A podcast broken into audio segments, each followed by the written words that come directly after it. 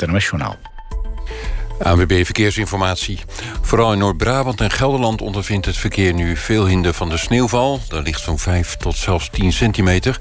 En de verwachting is dat de sneeuw zich verder uitbreidt in het oosten en zuiden van het land. NPO Radio 1. VPRO. Nooit meer slapen.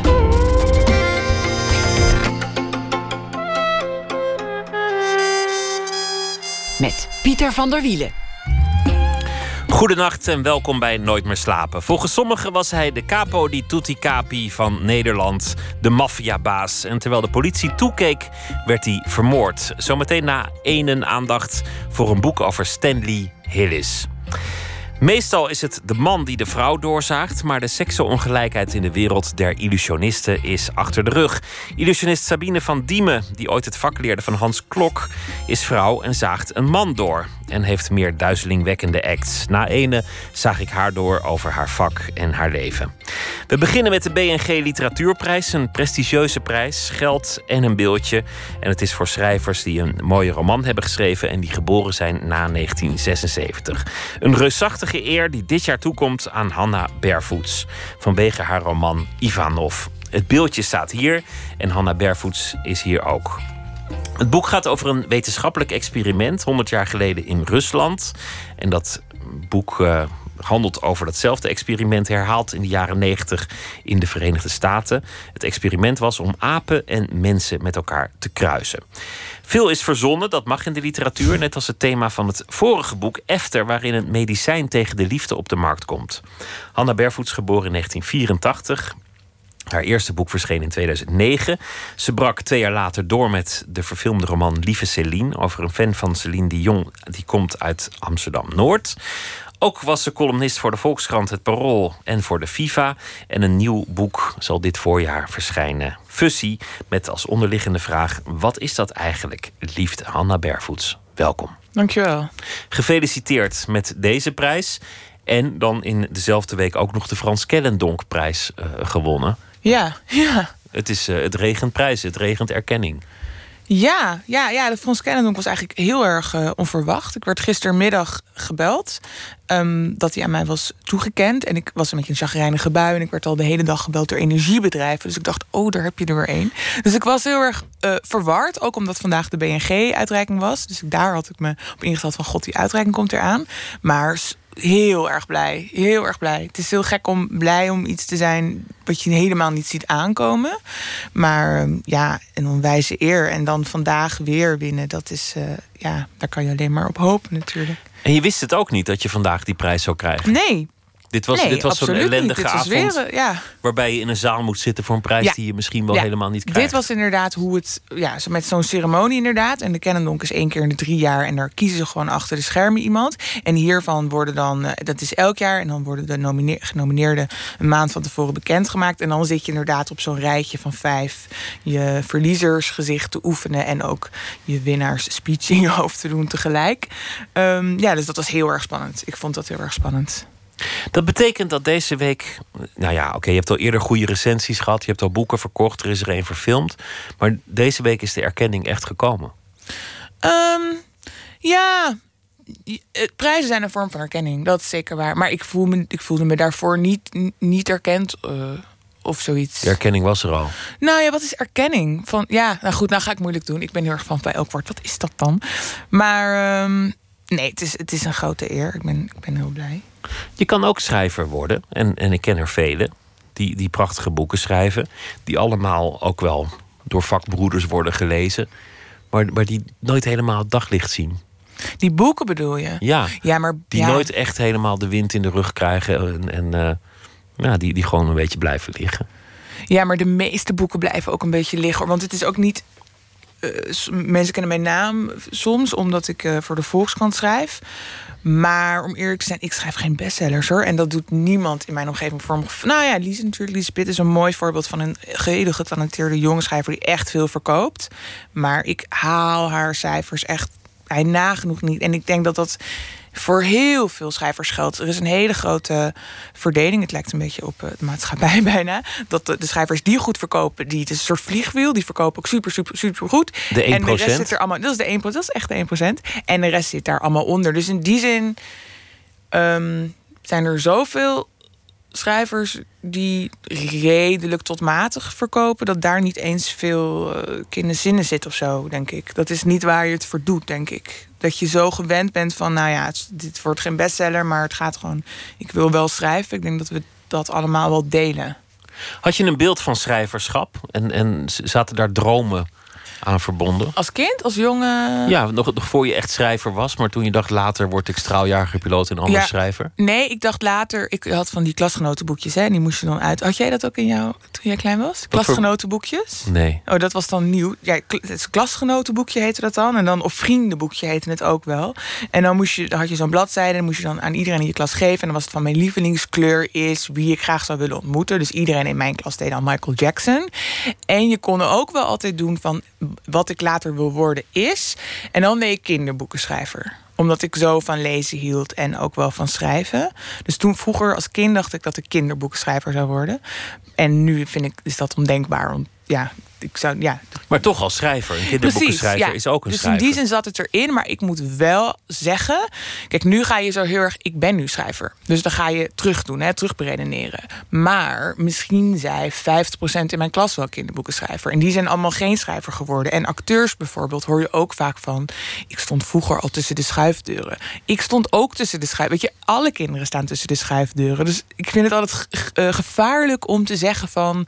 Nou, het zat er al vroeg in en we hebben het altijd al gezien. Omdat het meer een kinderding, denk ik, ook bijna is... om altijd al bezig te zijn met tekenen. Ja, je bent een kind, dus je bent... Maar toch is het zo. Ja, toch, het is wel zo. Het is wel zo, ja. Ja, niet, Ja, niet alles wat je zegt graag. meteen kapot relativeren. Nee, nee, nee. Maar ja, ik hou natuurlijk van eh, analyseren een beetje. Nee, dat is zeker zo. En ehm, ik heb ook altijd geschreven. En daarna heb ik heel lang filmregisseur eh, willen worden.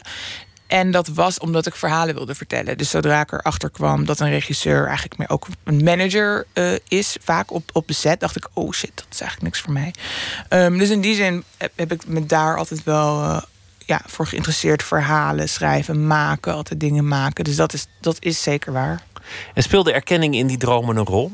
Toen, toen je dacht, ik, ik, ik word schrijver, nee, ja, dacht nee, je... ik was vijf, joh. Je denkt Nee, joh. niks. Je Dan denkt denk gewoon lekker. Nee, je denkt. Ik schreef mijn eerste boek, heet Tim en Tom en hun cavia.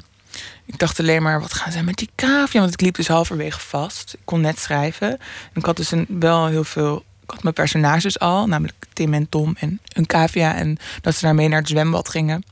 Nou, en toen liep ik halverwege vast. Ja, ik was al oud, ik was zeven, denk ik. Daar was ik mee bezig. En niet met, eh, ja, nee. Met glitter en glamour Nee, en, en, helemaal en niet, rode nee. lopers. En weet je wat dat ook... Het is helemaal niet... Kijk, nu win ik in, in twee dagen twee prijzen. Dat is idioot.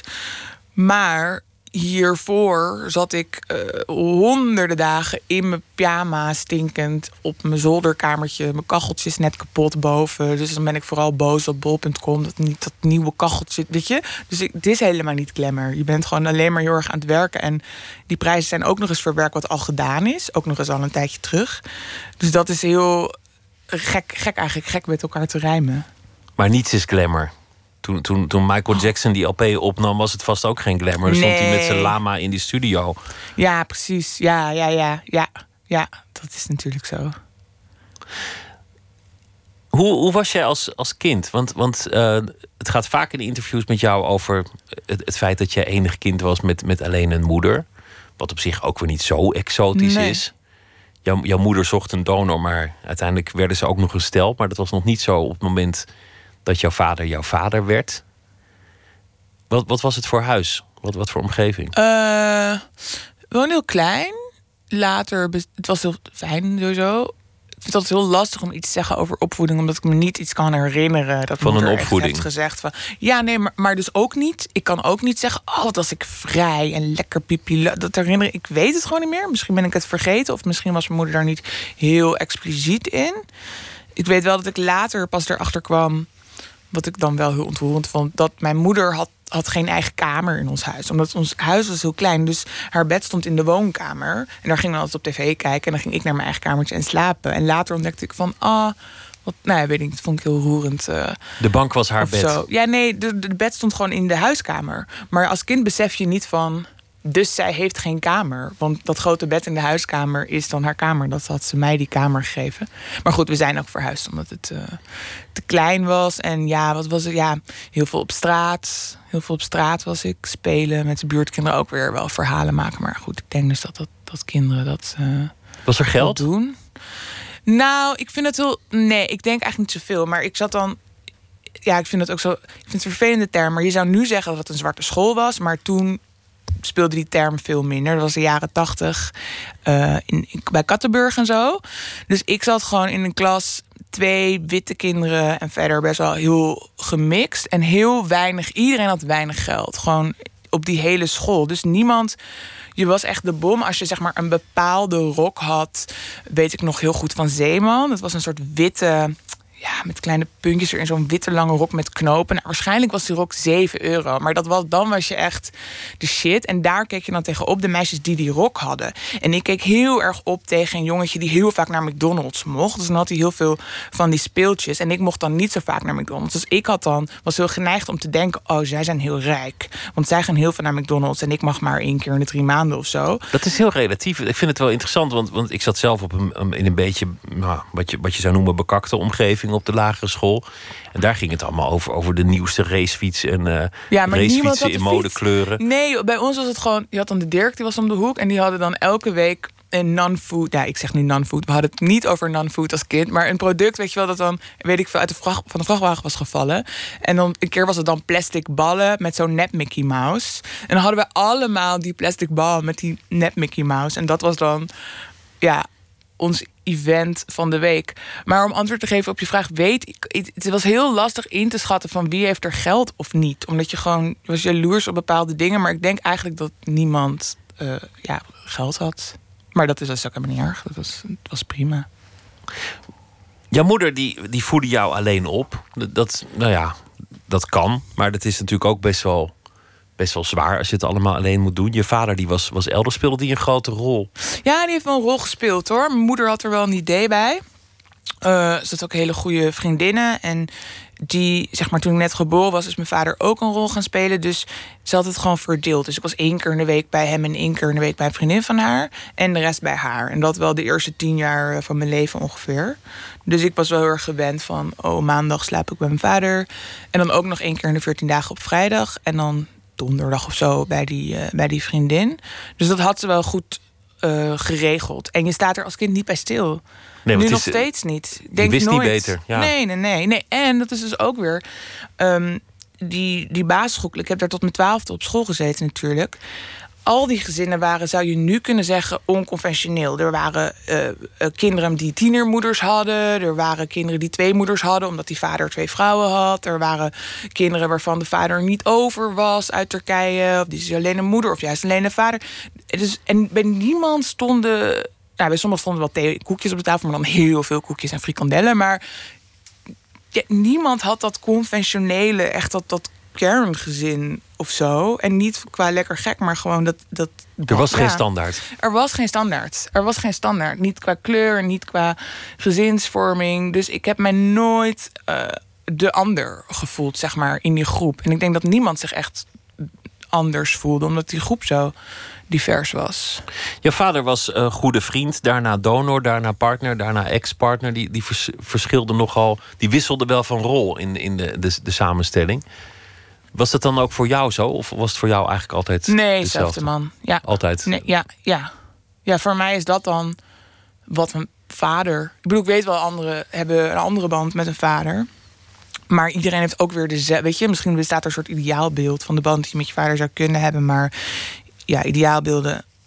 Ja, die heb ik zelf niet zo. Dus misschien zegt dat iets over mijn opvoeding. Had je een hechte band met hem? Ehm, nou, ja, wat is hecht? Ik ja, ben heel erg dol op hem. En hij volgens mij ook wel op mij. Maar niet eh, bellen of zo. Maar dat is, ja...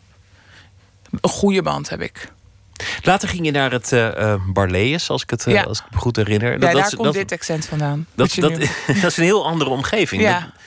Dan, dan, dan kom je ineens in een, in een omgeving waar wel status, geld en, en een standaard aanwezig zijn. Nou, het, viel, het viel wel mee. Het is, het is een gymnasium in, in, in het centrum.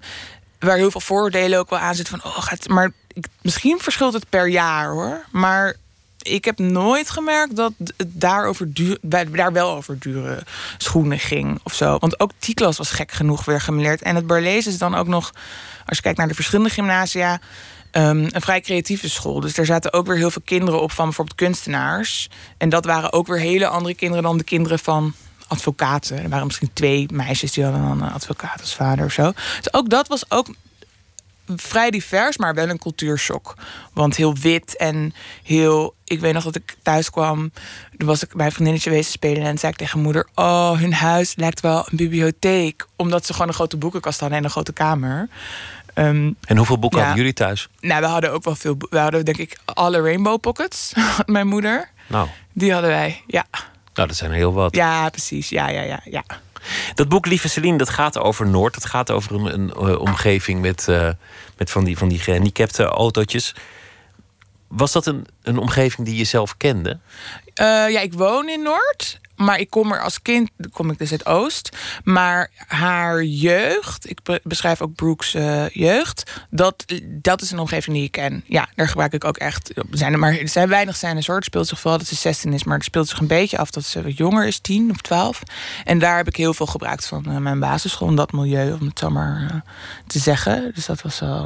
Maar dan is er toch een moment geweest dat je ging reflecteren op die omgeving. Dat je, dat je dacht dit is eigenlijk interessant om te beschrijven. Dit is niet mm, nou, zoals ja. het altijd is. Nee, nee, nee, nee, nee, nee, nee. nee want ik, ik schrijf niet boeken met het idee van ik wil iets beschrijven wat gek is of niet zoals altijd. Ik denk dat ik gewoon eerder lui ben en denk: dit ken ik goed, dus dat dit is ga haar ik jeugd. beschrijven. Ja, dit is een mooi vertrekpunt. Ja, ik geef haar nu geen jeugd op een een of ander uh, internationale expertschool. Want weet dan moet ik je veel. zoveel studie doen. Ja, ja, ja. ja dat, ik denk dat het daar eerder uitkomt dan denk ik denk, oh wat bijzonder. En ik denk nog steeds niet, oh wat bijzonder mijn. Nee, nee. Het is, is, het ook, niet. het is ook niet dit super bijzonder, Nee, want maar- dit is de gemiddelde van de hele Randstad zowat. Wat een basisschoolkind nu... Ja, nog toch een groot deel van Nederland... eh, ja, wat voor groep die, die, die zich beweegt, denk ik. Toch? Denk, ja, weet ik eigenlijk Nou niet. ja, Ja. Randstad, hè, Randstad. Randstad. Ik ben me daar wel van bewust. Vermoedelijk heb je, heb je gelijk. Wanneer ging je voor het eerst serieus schrijven? Ik ben, ehm, ik was zo een nerd altijd die altijd bij de schoolkrant zat. Dus ik, op de basisschool maakte ik al de film. Ik hield heel erg van filmen en van schrijven. Dus op de basisschool maakte ik in de school de gestencelde schoolkrant, weet je, met zo'n felle cover had het dan altijd. ehm, kleine aankondiging van nieuwe videobanden die ze in de videotheek hadden. Dus toen begon het, maar ja, ik weet niet of je dat serieus noemt. En toen ben ik daarna um, media en cultuur gaan studeren. En daar hadden ze ook weer een eh, soort schoolkrant. Ik zie heette dat. En toen ben ik wat langere beschouwingen gaan schrijven. Ook veel over media en film. En toen ben ik rond mijn zeventiende betaald filmrecensies gaan schrijven. Voor een Amsterdams uitgaanblad. Dat heette NL20. Dus ik weet niet... Ik was daar super serieus mee bezig. Maar die stukjes waren, het waren filmrecensies. Dus ook geen, uh, geen denderend proza of zo. Maar ja, voor geld wel. Dus ik ben wel vroeg daarin uh, mijn geld gaan verdienen. En dat heb ik eigenlijk altijd gedaan als studentenbaantje.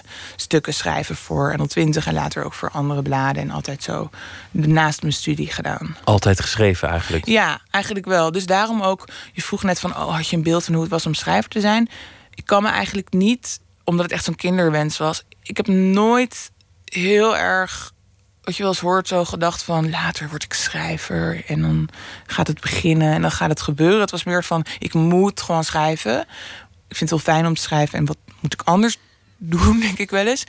Dus ik doe dat gewoon. Het was een soort van zelfsprekendheid van dit wil ik doen en dit wil ik maken en ik wil beter worden, maar niet met het doel, dat is het meer. Nooit niet met een uitgestippeld doel, dan wil ik dan een boek schrijven en dat bereiken of zo. Gewoon nee, van ik wil gewoon maken, maken ja, en nu zit ik hier, dus dat is. Daar gaat jouw leven eigenlijk over. Over dat maken, maken. Ja.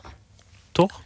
Ja, zeker een belangrijk uh, deel. Ja. Je zei net, ja. ik zit met een kapotte kachel in een vieze pyjama Ja. de hele dag te, te schrijven en dat gaat maanden door.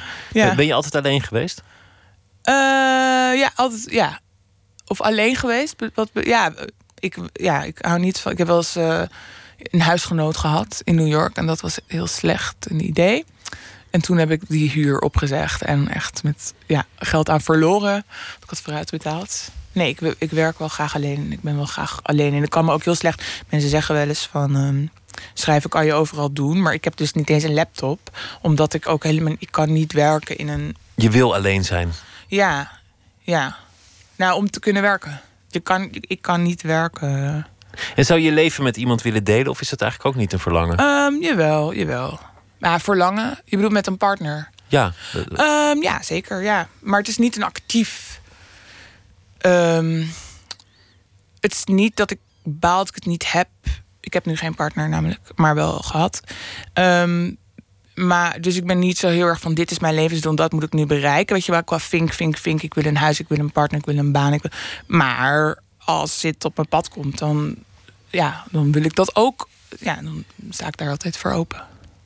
We gaan het straks hebben over het boek waar je de prijs voor hebt gewonnen. En ook het boek ervoor en het boek dat komt. Want dat heb ik ook al uh, mogen lezen van je, ja. uitgever bij, bij Hoge Uitzondering. Maar we gaan eerst luisteren naar Spinvis. Dit vanwege de Oh. Nederlandse popprijs. Die wordt zaterdag uitgereikt. Elk jaar weer een uh, onderwerp van speculatie. En dit is de winnaar van tien jaar geleden. Spinvis met De Grote Zon.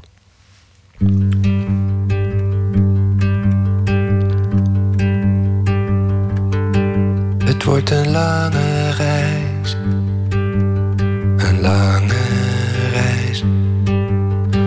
heeft hier flink gestormd vannacht, maar het klaart al op. Je hoort de vogels weer, je ruikt de regen nog.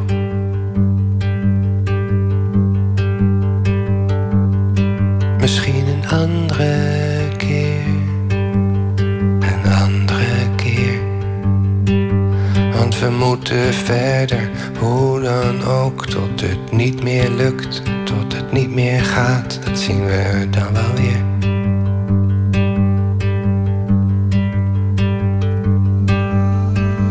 Alles op een rij. Ik blijf bij jou tot aan het eind, zolang deze auto rijdt. Ik ben een twijfelaar, maar jij nog meer, dus het zijn er twee. Ik ben niet meer heel erg sterk misschien, maar ik maak je aan het lachen, dus dan moet het dan maar mee.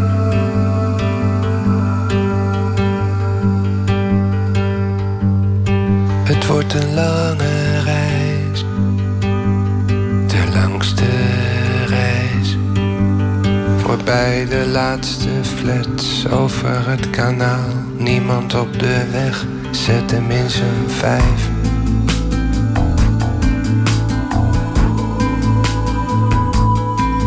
Maak niet zo'n kabaal.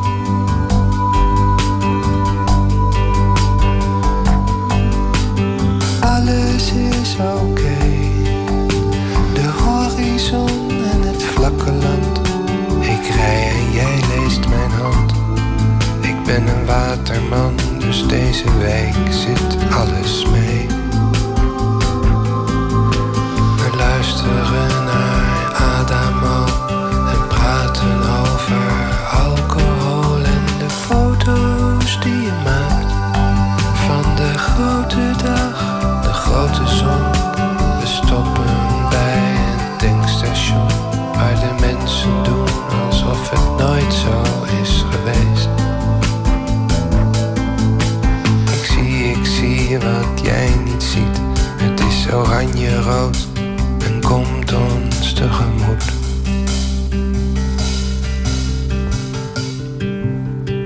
alles is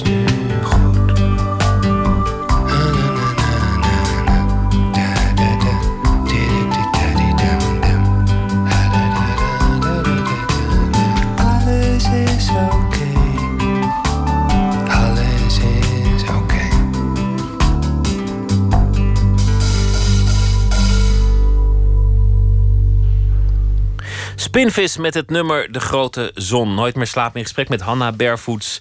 Die een uh, goede week heeft. Want gisteren won ze de Frans Kellendonkprijs. Of eergisteren, daar wil ik vanaf zijn.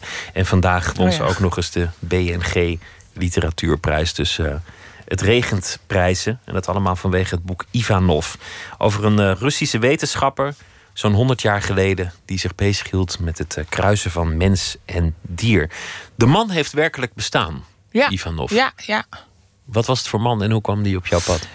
Ja, heel, ik las een eh, krantenartikel over hem en zijn, zijn, eh, zijn pogingen om dus mensen met apen te kruisen. Om zo'n heel nieuw wezen te creëren. Half mens, half aap. En dat gebeurde dus inderdaad 100 jaar geleden in, eh, in Rusland. Hij is daar heel ver in doorgegaan. Hij heeft eerst eh, eh, geld verworven om naar Afrika af te reizen. Om daar apen te insemineren. Dat is eigenlijk een soort verkrachting. Met eh mannensperma, mens, man, ja, mensensperma. Toen dat niet lukte, heeft hij zijn experiment nog een keer willen omkeren. Door Afrikaanse vrouwen te insemineren met apensperma. Zonder dat tegen hun te vertellen. Dus toen is hij toch wel even eh, teruggevlogen. En toen is hij eh, met wat Afrikaanse apen weer terug naar Rusland gereisd. Een deel stierf al op de boot, maar deel overleefde het. En toen heeft hij in Rusland nog een heel apencentrum op laten zetten. En is hij daar vrijwilligers gaan werven... die dan in naam van de staat, Russische vrouwen... zo'n zo'n jong zouden willen dragen. Nou, dit verhaal las ik. En ik merkte... ehm, ja, dat het me niet losliet. Dat ik er heel veel vragen bij had, heel veel beelden. Het is ongelooflijk. Als je nu daaraan denkt, ja, is dit echt, dit is allemaal echt gebeurd. En toen ben ik daar ingedoken, gewoon uit persoonlijke interesse ook, heel veel over gaan lezen. En ik merk altijd, ja, soms dan voel je gewoon van, hier wil ik wat mee, hier wil ik over schrijven. Ik wil dit verhaal ook heel graag overbrengen. En dan, dat, dat had ik ook bij Lieve Celine. En dan baal ik bijna een beetje. Omdat ik denk, oh, wat haal ik mezelf op de hals met dit ingewikkelde verhaal. En oh, hoe ga ik dit dan doen? Hoe ga ik En dit, dit dan gegeven. literatuur? Ja, ja, maar ik heb het toch, eh, ja, toch gedaan. Het voelde alsof dat moest dan of zo.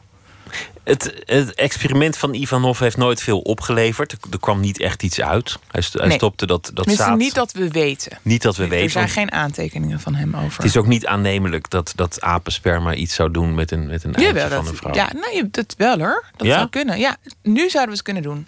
Maar dan niet met inseminatie. Nee. Maar dat, want dat is heel eh, omslachtig. Maar natuurlijk wel met eh, nieuwe IVF-methodes. Het is nu makkelijker dan ooit om eh, hybrids, zoals dat dan heet, Om melezeltjes te, kweken. maken. Ja, ja, ja, ja, ja, ja. Nee, het kan wel waarschijnlijk mensen aan. Je vertaalt het eh, experiment ook naar de jaren negentig in New York. Een, een willekeurig Ja. gekozen omgeving. Maar daar laat je iemand datzelfde onderzoek herhalen. Klopt, ja. Ja, nou ja, eigenlijk met een andere, ook niet helemaal een willekeurig eh, gegeven. Ik, ehm, mijn boek gaat over ehm, Helena Frank, een soort van hedendaagse Ivanov, inderdaad met dezelfde plannen. Maar zij probeert haar onderzoek natuurlijk ook een beetje te vergoeilijken. Dus zij zegt dat zij op zoek is naar een ehm, medicijn tegen het AIDS-virus. In 1994 was dat eh, was de epidemie op zijn hoogtepunt. Er waren geen medicijnen, er gingen heel veel mensen dood.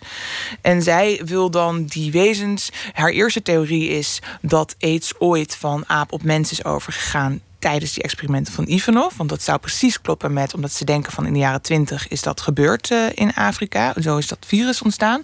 En dan zegt zij dat zij proefdieren wil eh, kweken. Dat is een beetje een technisch verhaal, maar het apen, de apen-HIV heet eh, SIV. Ehm, en dan. ehm, een, een aap kan, kon toen geen proefdier zijn voor HIV-remmers en AIDS-medicijnen. Omdat dat virus net anders was. Dus wil zij die hybrides kweken. Omdat dat dan proefdieren kunnen zijn. Daar is zij eh, heel erg mee bezig. Maar ik denk dat het boek vooral draait. eh, mijn hoofdpersoon is Felix, een jonge homoseksuele Nederlander. ehm, die daar journalistiek gaat studeren in New York. Daar speelt het zich af. En hij krijgt een hele complexe band met Helena, Helena Frank. En hij vertelt het verhaal. Dus het is ook heel erg het verhaal van zijn volwassenwording en die rare band. En ja, alle thematiek die daarbij bij komt kijken. Ook een boek over, over iemands eh, persoonlijke verhaal. Het is een science fiction gegeven met een, met een historische bron. Ja. Tegelijk is het een heel actueel thema, omdat het kruisen van soorten nou ja, ontzettend veel gebeurt en veel aan de hand is. Dus ze zetten Ja. eh, genen van algen in een plant, zodat de plant licht geeft in het donker. Of eh, de, er wordt geëxperimenteerd met, met varkensharten in mensen. Of met eh, genetische Ja, aanpassingen van gewassen en, en noem maar op. Het is, het is eigenlijk niet zo heel absurd. Nee, Nee, nee, nee. En ook omdat het gewoon kan. Het speelt. Het is inderdaad science fiction. En het, men, het beeld dat mensen er vaak bij hebben is dat het een toekomstroman is. Maar als je echt kijkt naar de term, is het wetenschapsfictie. Um, en, ja, en de grondlegger daarvan is natuurlijk Mary Shelley met Frankenstein. En daar verwijs ik ook naar met, met Helena. Met de naam? Frank, ja. Maar het is onwijs actueel, omdat er heel veel ethische vragen die Helena zichzelf. Ja, die er is een discussie tussen Helena en Felix waar die ethische vragen aan bod komen. Van, oh, mag je dit wel doen? En wat zijn de implicaties? En zij kaatst ze allemaal terug. Maar die worden elke dag relevanter. Want elke dag uh, ja, leren we weer dingen bij. Op, in, op het gebied van uh, wetenschap en kloontechniek ook bijvoorbeeld. Dus dat, uh, ja, dat zijn dingen die mij enorm fascineerden, ja. En er zijn plekken in de wereld waar één op de vier kinderen inmiddels door IVF geboren wordt. Hangt oh, een beetje vanaf. Wel, wat voor plekken? Ja. Nou ja, gewoon bepaalde Hele rijke plekken. Of juist... buurten of, of ah. bepaalde, bepaalde steden. Ja. dus dat, dat hele gegeven van moederschap, ja, en, conceptie ja, en geboorte is niet meer vanzelfsprekend. Nee, nee. Nee, er zijn allerlei. En natuurlijk laatst vorig jaar het eerste kind met drie genetische ouders. Hoewel dat wel, dat was toen groot nieuws. Maar het gaat alleen over dat kind met drie genetische, over de mitochondriën. Dus dat is een klein energiefabriekje in de cel die dan van die derde ouder. Maar goed, dat is toch genetisch materiaal.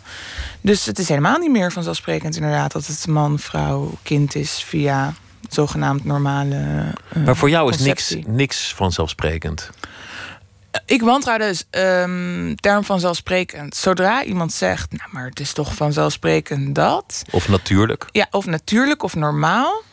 Uh, dan, ga, dan ga ik scherper opletten. Dan denk ik, oh, mm, wat is er dan normaal? Wie bepaalt dat dit normaal was? Welke gedachten liggen eraan ten grondslag dat het normaal is?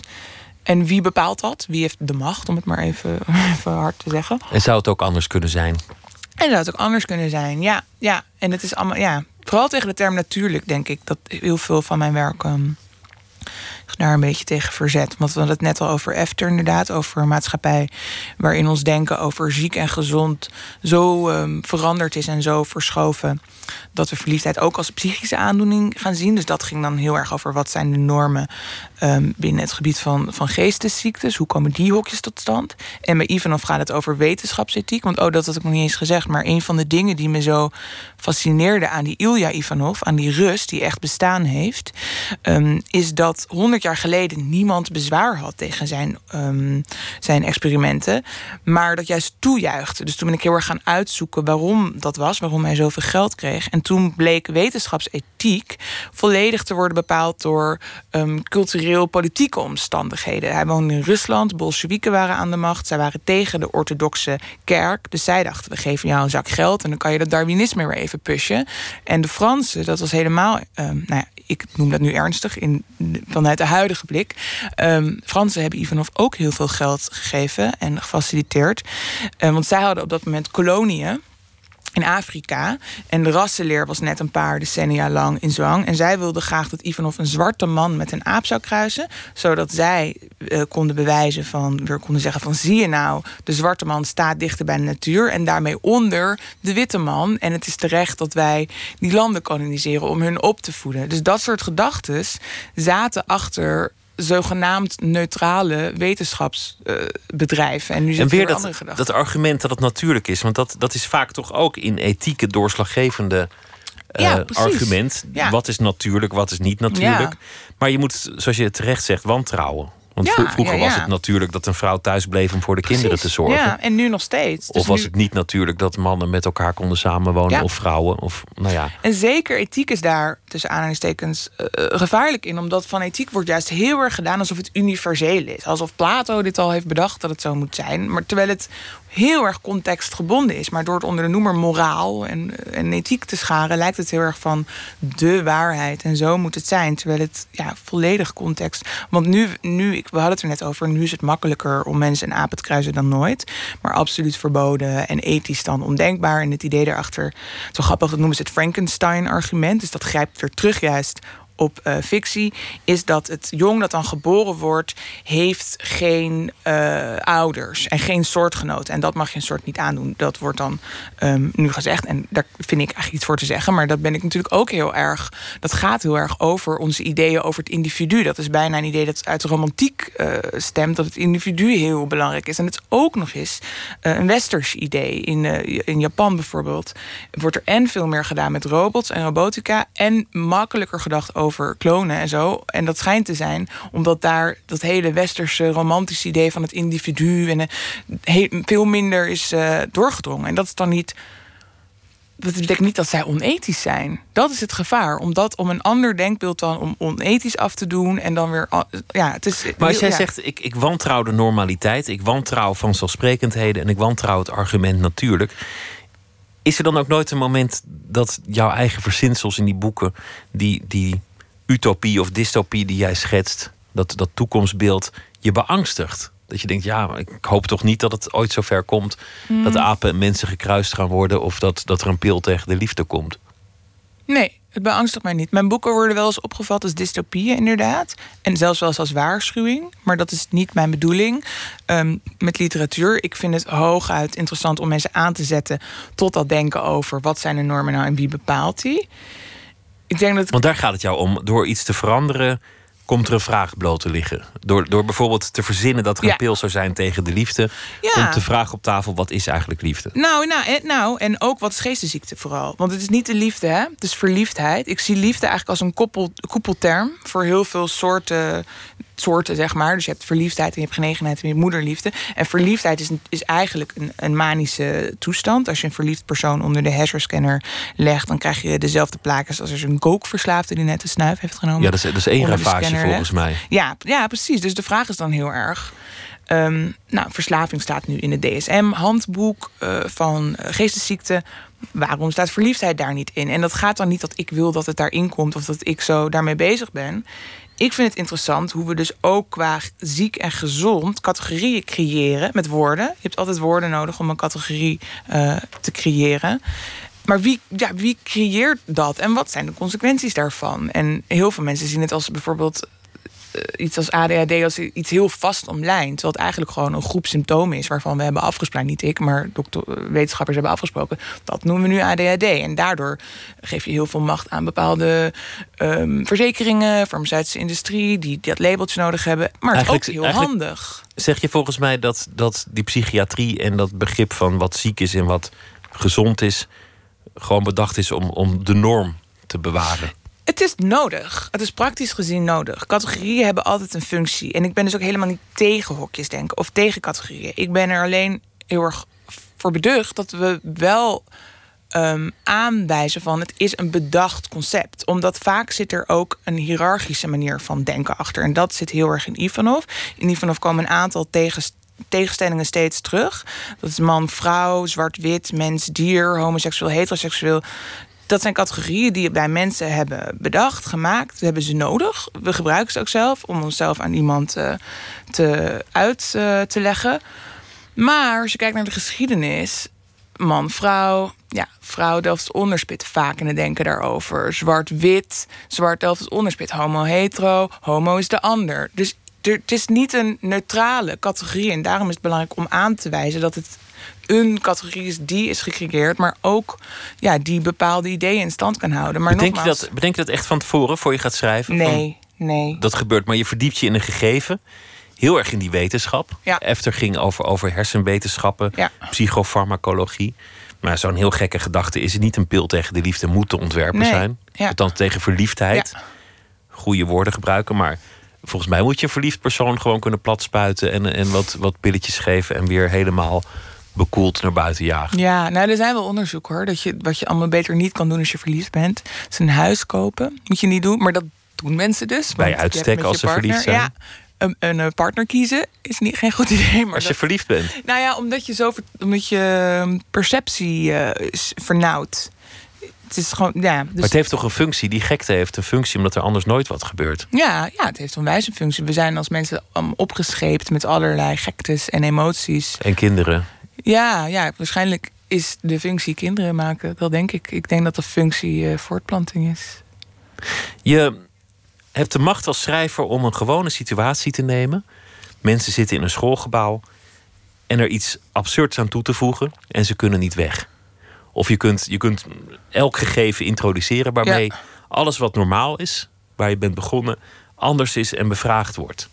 Ja, Dat is natuurlijk een prachtige positie. ja, en leuk. Je, je vertelt nu over alles wat er was, waar een eh, televisieploeg samen opgesloten komt te zitten in een schoolgebouw, omdat de wereld eigenlijk eh, vergaat. En dat gaat dus weer heel erg over ehm geldt zogenaamd normale moraal nog als de omgeving verandert?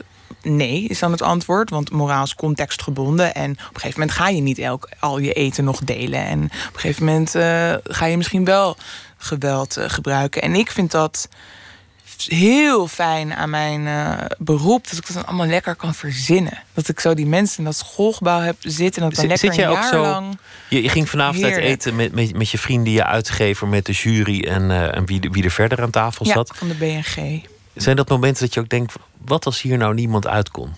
Nee, nee, ik zit niet eh, zo te denken op het moment. Ik kan dat heel goed sch- eh, scheiden. Ik ben ook niet een schrijver die altijd een opschrijfboekje hebt van straks valt een zin mijn binnen. Nee, ik ben altijd wel heel erg. Ja, ik wilde zeggen in het moment, maar dat is ook zo snel. Maar dat is eigenlijk wel waar. Als ik met mensen ben, dan ben ik met mensen en ga ik niet daarover denken. Echt dat pas dat gebeurt thuis, in, in Ja, die vieze pyjama. Ja, ik, scheid, ik eh, scheid het heel erg van elkaar. Van nu is werktijd en denktijd en nu niet. En dan denk ik er ook niet aan. Denk ik niet aan mijn werk. Je volgende boek verschijnt in april. Dat, dat gaat over een ja, poppetje, een, een, een robot. Een bolletje. Een, een bolletje. Het is een bolletje. Een bolletje was het. Een, een, een knuffelbaar object. Ja. Dat, dat voor allerlei mensen een, een rol aanneemt in hun leven. Ja. En daarmee gaat het ook over de vraag: wat is liefde? Lijkt een absurd gegeven, maar ik geloof dat het in, in de meeste eh, politieke programma's ook staat dat het verder moet gaan met knuffelrobots voor bejaarden, om maar eens wat te noemen. Oh ja, ja. En mensen die zijn al verliefd geworden op, eh, op, op digitale wezens. Zeker en getrouwd ook. Mensen maken ook geld over eh, aan mensen die niet bestaan, omdat Ja. ze zo ontzettend verliefd zijn geworden. Dus het is een heel eigen tijds thema. Ja, precies die voorbeelden die je noemt, heb ik ook aan gedacht. Ja, het boek heet Fuzzy en het kleine pluizige bolletje heet ook eh, een fuzzy. Maar voor mij is een fuzzy een breder concept. Eigenlijk is een fuzzy alles wat eigenlijk onmenselijk is. Wat ook iemand kan zijn die afwezig is. En waar wij toch onze mm, genegenheid... voor mij is het geen boek over liefde, maar meer over genegenheid... eh, op projecteren. En natuurlijk is genegenheid altijd projectie. Ook al ligt je partner elke avond naast je. Je kan nooit helemaal... Weet je, het is altijd jouw beeld waar je verliefd op bent. Dus in die zin ben je ook altijd op jezelf eh, eh, verliefd. Dus Het of, zit, of je het zit allemaal van- maar in je hersens. bedoel Ja, je. ja, nee, natuurlijk. Maar, maar ja, en die... die Daar gaat het ook mis in de liefde. Dat, Ja. dat mensen niet voldoen aan elkaars beeld. Ja, precies. Maar Daar bij zo'n fusie. woede. Ja, maar een fusie is dus ehm, een figuur die, die niet terug kan praten. Een knuffel, een baby, een hondje, een pluizig bolletje. Iemand die afwezig is. En ik heb gemerkt dat het veel makkelijker is soms voor sommige mensen om daarvan te houden. Dat die liefde soms veel groter is eh, dan wanneer er een ander eh, persoon, wanneer het om een ander persoon gaat. Omdat wanneer je een band met een mens eh, aan gaat, of het nou een vriendschapband is of een, of een liefdesband, dan krijg je altijd te maken met wat ik zelf noem de weegschaal van genegenheid.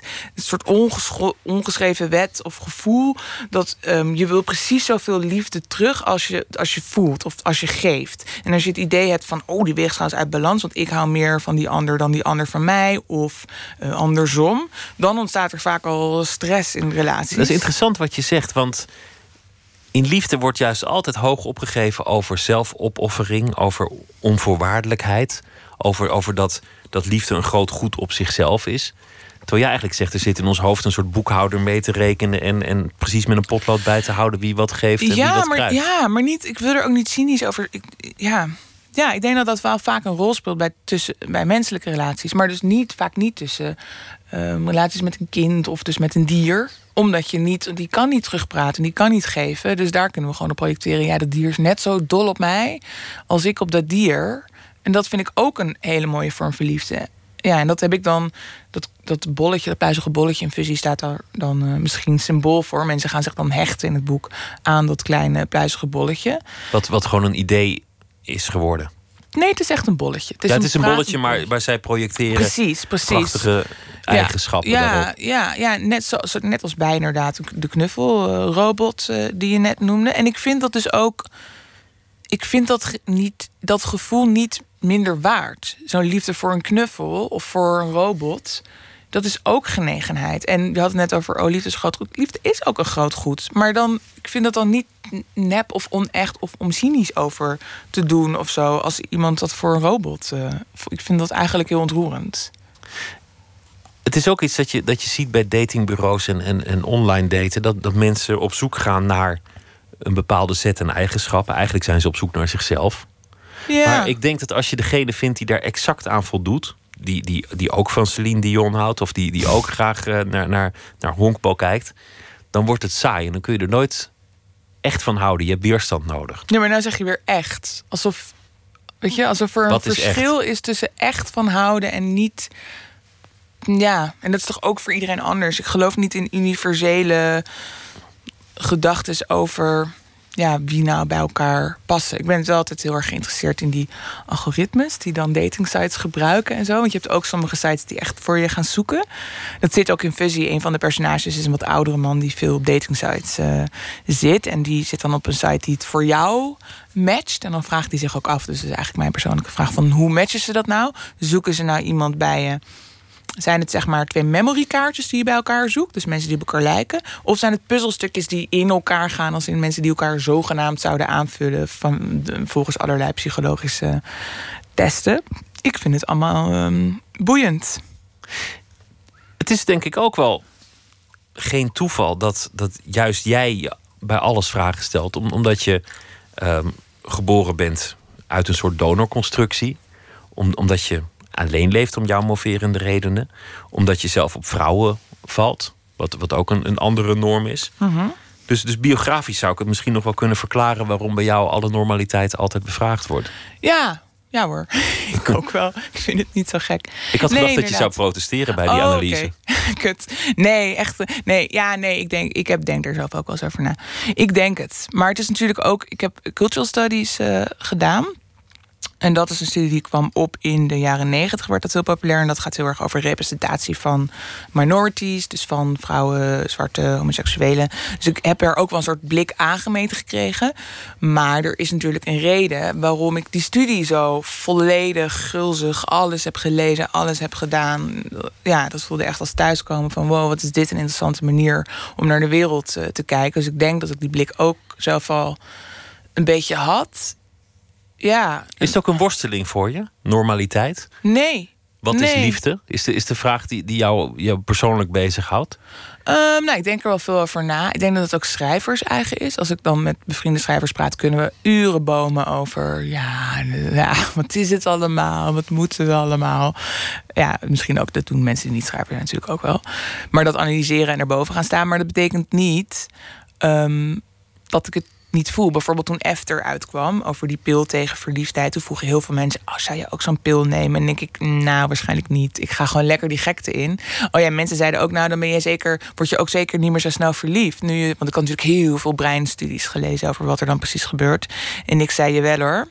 Maar niet uit hoe je het eh, dood analyseert. Als je een mooie vrouw tegenkomt, dan, in eh, die, nou, mooi, mooi. Nee, ga ik weer wat mooi. Maar ehm, ja, ik ga er toch. Het is niet dat analyseren staat mijn gevoel niet in de weg. Ik ben eigenlijk best wel sentimenteel.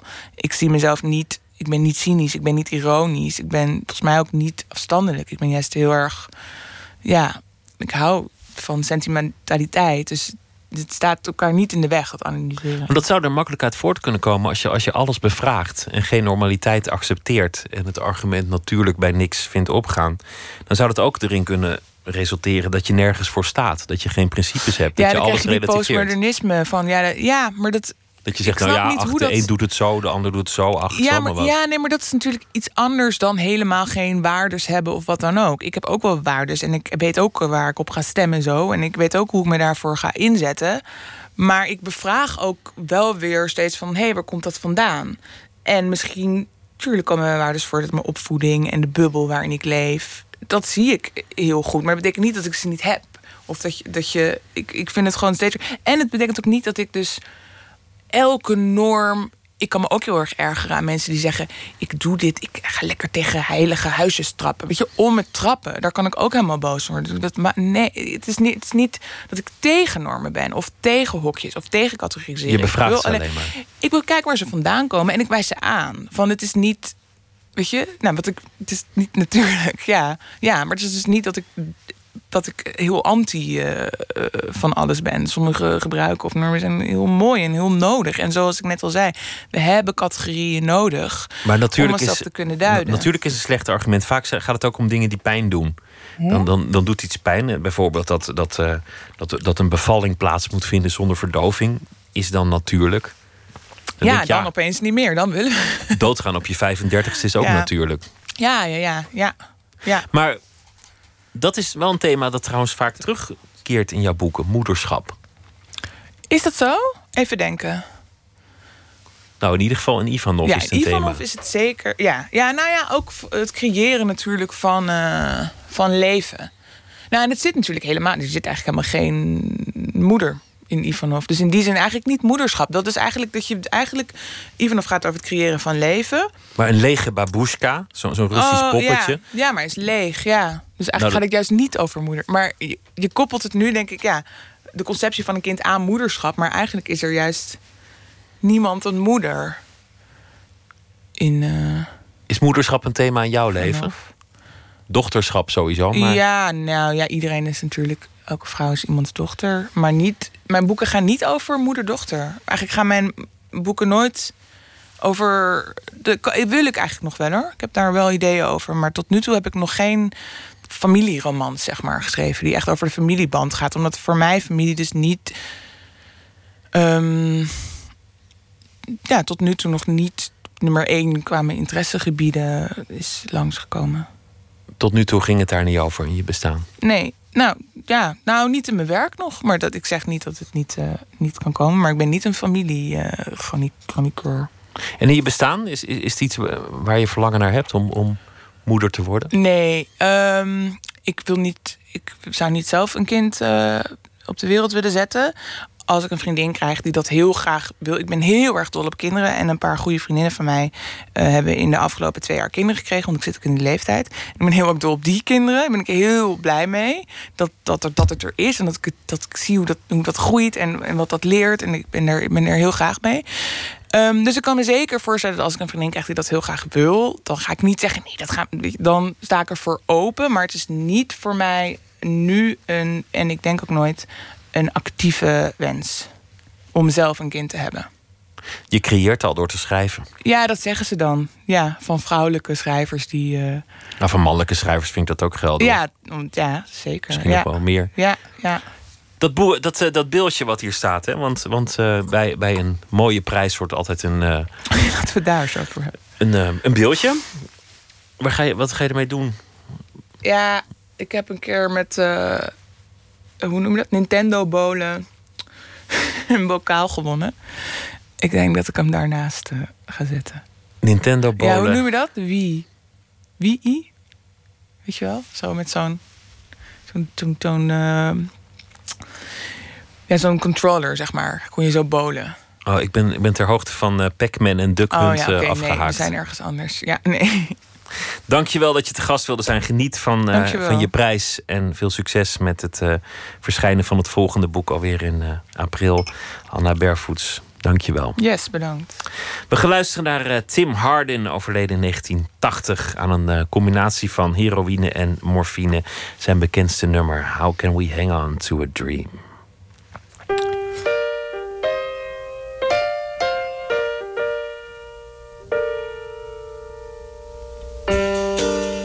What can I say? She's a walking away from what we've seen. What can I do? Still loving you. It's all a dream. How can we hang on to a dream? How can it really be the way it seems? What can I do? She's saying we're through with how it was. What will I try? I still don't see why she says what she does. How can we hang on to a dream? How can it really be the way it seems?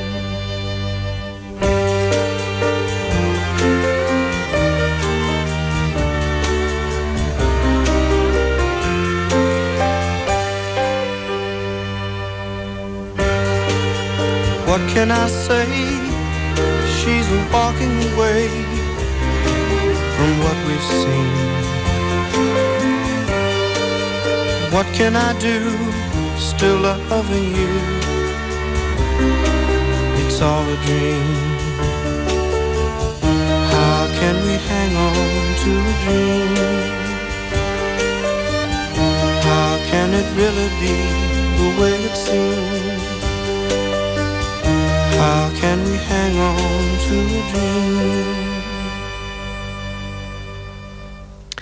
Tim Hardin, hij is uh, 39 jaar oud geworden en hij overleed, zoals ik al zei, in 1980 aan uh, de drugs. Hij heeft een paar prachtige platen gemaakt en dit nummer zo altijd tot in de lengte der dagen gedraaid blijven worden. How can we hang on to a dream? Zometeen gaan we verder met Nooit meer slapen en dan gaat het onder meer over de criminaliteit. Klaas Bruinsma, Holleder en Willem Enstra, dat zijn namen die iedereen nog wel kent. Maar Stanley Hillis is al een stuk minder bekend. Terwijl hij minstens zo berucht was in zijn tijd in het criminele circuit. En terwijl hij volgens sommigen de grote maffiabaas van Nederland was. En hij is vermoord voor de ogen van de politie. Er is een biografie uh, verschenen over hem, De Koude Ouwe. En uh, daar gaan we het zo meteen over hebben. Er zijn uh, niet zoveel vrouwelijke magicians, illusionisten. Maar Sabine van Diemen die weet zich staande te houden in die sector. Begon ooit als assistent van Hans Klok. Maar werkt nu voor zichzelf. Impossible is de titel van haar nieuwe show. En dit keer is het een vrouw die de mannen doormidden zaagt. En heel veel andere trucs. En daar komt ze zo meteen over vertellen in de rubriek Open Kaart. En dan hebben we ook een verhaal van F. Starik. Hij schrijft deze week elke nacht een verhaal bij de voorbije dag. En dat zal hij uh, voordragen. Hij is schrijver en dichter. Maar deze week noemt hij zich nachtpredikant. En hij zal dus op waardige wijze deze dag afsluiten. En we hebben ook het uh, culturele nieuws zometeen. Twitter, het VPRO NMS. En we zitten ook op Facebook. En u kunt zich abonneren op de podcast via iTunes of de website van de Koninklijke Nederlandse VPRO. vpro.nl slash nooit meer slapen.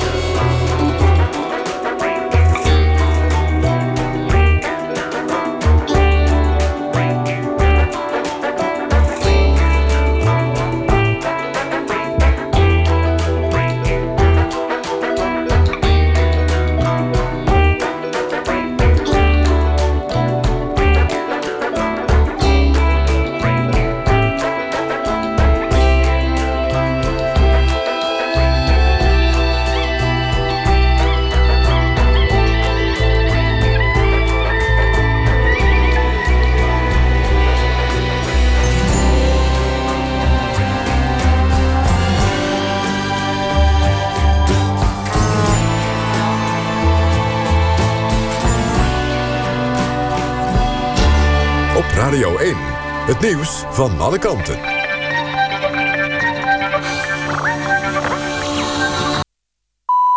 Het is 1 uur, dit is Doral Megens met het NOS-journaal.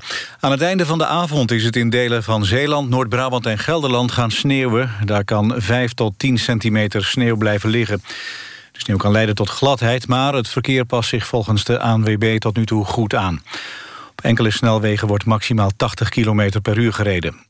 Het KNMI heeft vanwege de sneeuwcode oranje afgegeven voor drie provincies. Noord-Brabant, Gelderland en Overijssel. Dat betekent dat er grote kans is op gevaarlijk of extreem weer. Dat kan heel lokaal zijn, waarschuwt het KNMI. In de rest van het land geldt code geel. De NS en ProRail rekenen op problemen tijdens de ochtendspits. Worden extra mensen ingezet, maar reizigers moeten rekening houden met vertragingen. Kort voor het einde van hun termijn heeft Barack Obama vicepresident Joe Biden de hoogste civiele onderscheiding in de Verenigde Staten gegeven. Biden kreeg de Presidential Medal of Freedom.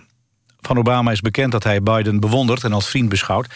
Hij noemde de keuze voor hem als vicepresident de best mogelijke. Niet alleen voor mij, maar voor het Amerikaanse volk. Biden reageerde geëmotioneerd. Over de acht jaar met Obama zei hij dat hij deel uitmaakte... van de reis van een bijzondere man die bijzondere dingen heeft gedaan. De musical In de Ban van Broadway heeft bij de uitreiking van de Musical Awards in Utrecht de meeste prijzen in de wacht gesleept. Loes Luca kreeg de prijs voor beste actrice, Bianca Krijgsman voor beste bijrol. Bovendien won de musical in de categorie beste scenario en beste toneelbeeld. Siske de Rad eindigde met drie beeldjes op de tweede plaats. De musical werd uitgeroepen tot beste grote musical... en kreeg een prijs voor beste arrangementen. De achtjarige Silver Metz, die de titelrol speelde... won in de categorie aanstormend talent. Het weer. Sneeuw trekt dus over het zuiden, midden en oosten. In de loop van de nacht trekt die neerslag weg. Overdag wordt het dan guur. Aan zee kan een tijdje een noordwesterstorm staan. En vallen geregeld buien. Eerst met sneeuw, later vooral regen. En het wordt een graad of vijf. Dit was het NOS Journaal. ANWB Verkeersinformatie. In Brabant, Gelderland en Overijssel komt sneeuw voor. En die sneeuw die hindert het verkeer flink. En verder is de A15 Gooikum richting Nijmegen tijdelijk dicht... tussen Andels en het knooppunt Valburg. Dat komt, heeft te maken met een geschaarde vrachtwagen. Inmiddels staat er een file bij Andels van 2 kilometer. En verkeer richting Bemmel kan de weg volgen via Apeldoorn en de borden Arnhem. NPO Radio 1. VPRO. Meer slapen.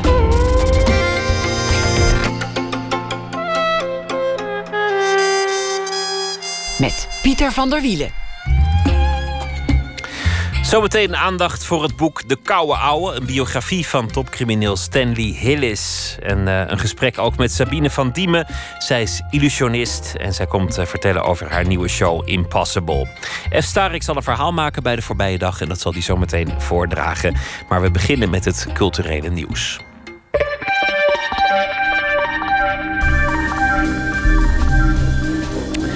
Het uh, cultuurnieuws van de voorbije dag zo'n beetje. Op Eurosonic Noorderslag werd vanavond de Pop Mediaprijs uitgereikt. En die ging naar Rotjoch. Hij is oprichter van het populaire hip-hop platform 101 Barts. Rotjoch krijgt die prijs voor beste popjournalistiek. omdat hij als geen ander weet wat er leeft op de straat, zei de jury. Vandaag kwam ook het nieuws naar buiten dat uh, Stad Schouwburg Amsterdam en Toneelgroep Amsterdam willen fuseren. Amsterdam volgt daarmee het voorbeeld van Rotterdam en Den Haag, waar eerder ook zulke theatersamenwerkingen zijn aangekondigd. Het zijn barre tijden voor uh, kunstenaars, omdat er nog altijd bezuinigd wordt op cultuur. Maar inmiddels is er ook goed nieuws. Er komt veel meer kunst tot stand dankzij crowdfunding. Afgelopen jaar 2016 zamelden de Nederlanders uh, samen 170 miljoen euro in, waarmee meer dan 4800 kunstprojecten mogelijk werden. En er was er nog een uh, merkwaardig bericht uh, te lezen op verschillende media. Facebook zou werken aan technologie om gedachten te kunnen lezen. Aan de telefoon Eva de Valk, technologie, technologiejournalist bij NRC Handelsblad en schrijver van een boek Silicon Valley. Goedenacht, Eva. Hallo, goedenavond. Waar gaat het over uh, dat Facebook zou werken aan technologie om gedachten te lezen? Um, het zijn verschillende uh, geruchten, uh, gebaseerd op een aantal vacatures die Facebook heeft uh, vrijgegeven, die allemaal gericht zijn um, op um, ja, mensen die gespecialiseerd zijn, gepromoveerd zijn op de relatie tussen hersenen en computers. En nou ja, dat in combinatie met eerdere uitspraken van Mark Zuckerberg... dat hij wel interesse heeft in, in telepathie en in technologie... om direct ja, van mensen te, te weten wat ze denken en wat ze daarbij voelen. Um, nou ja, dat in, in combinatie met die vacatures ja, leidt nu dus tot geruchten... dat, dat Facebook aan een dergelijk apparaat zou, zou werken. De voordelen lijken mij evident als je mensen hun gedachten zou kunnen lezen. Maar is het denkbaar dat je techniek zou kunnen ontwikkelen waarmee je via de computer iemands gedachten kan lezen?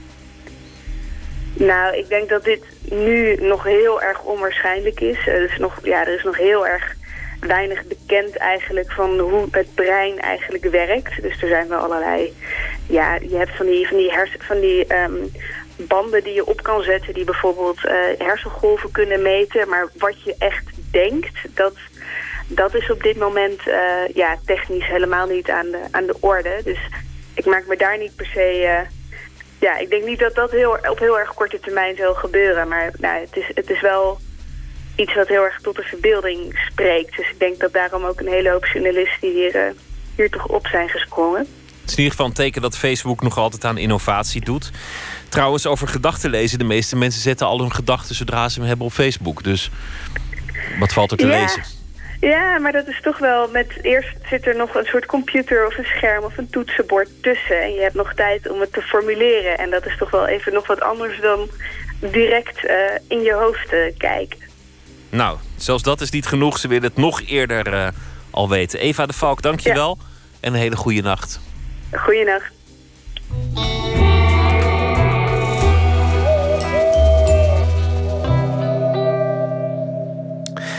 Het volgende liedje werd ooit gebruikt in een reclamespotje van de overheid om mensen te informeren over de verkiezingen.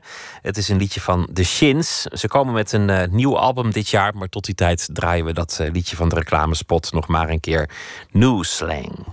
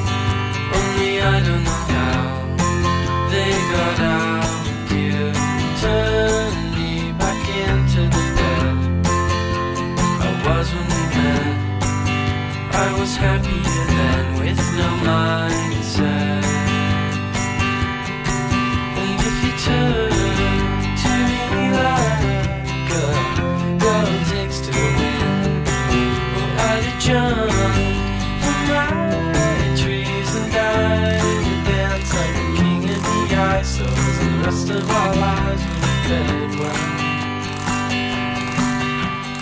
New slang when you notice the stripes, the dirt in your fries. Hope it's right when you die, old and bony. Dawn breaks like a bolt through the hall. Never should have called, but my head's to the wall and I'm lonely.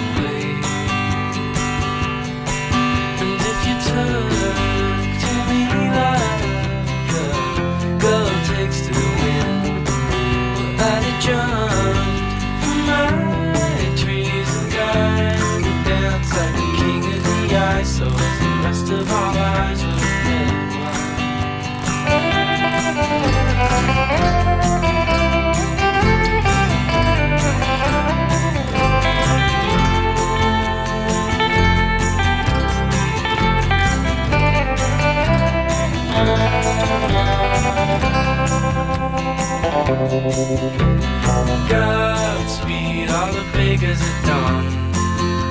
And they all cut their thumbs and bleed into their buns till they melt away. I'm looking in on the good life I might do never find without a trust, the flaming fields am I too dumb to refine?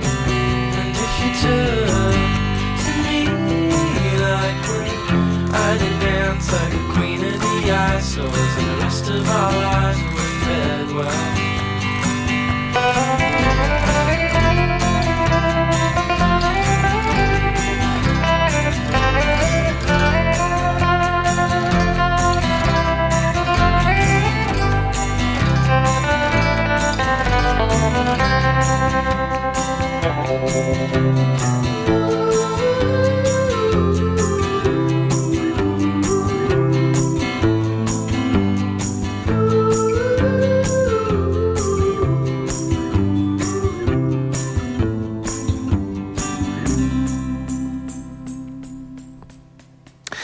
Shins was dat met het nummer New Slang.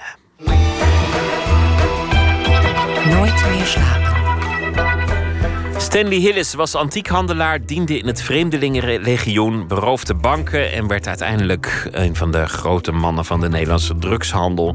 Panorama-journalisten Fico Olling en Martijn Haas schreven een biografie aan de hand van vele gesprekken die ze voerden met collega-criminelen en familie van Hillis. Het resultaat is een boek, De Koude Ouwe. En Nicolaou sprak de auteurs. Een soort kalend, vriendelijk ogend opaatje.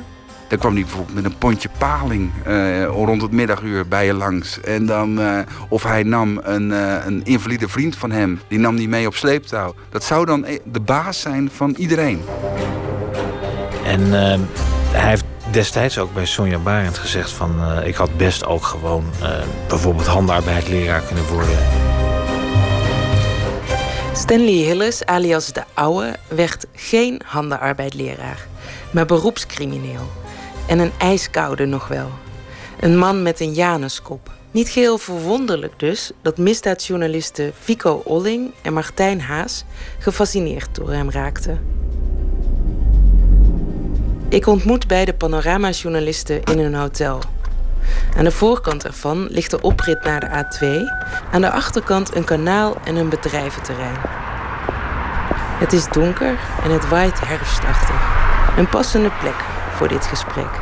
En de plek waar Stanley Hillis wel eens op geheel eigen wijze een akkefietje oploste.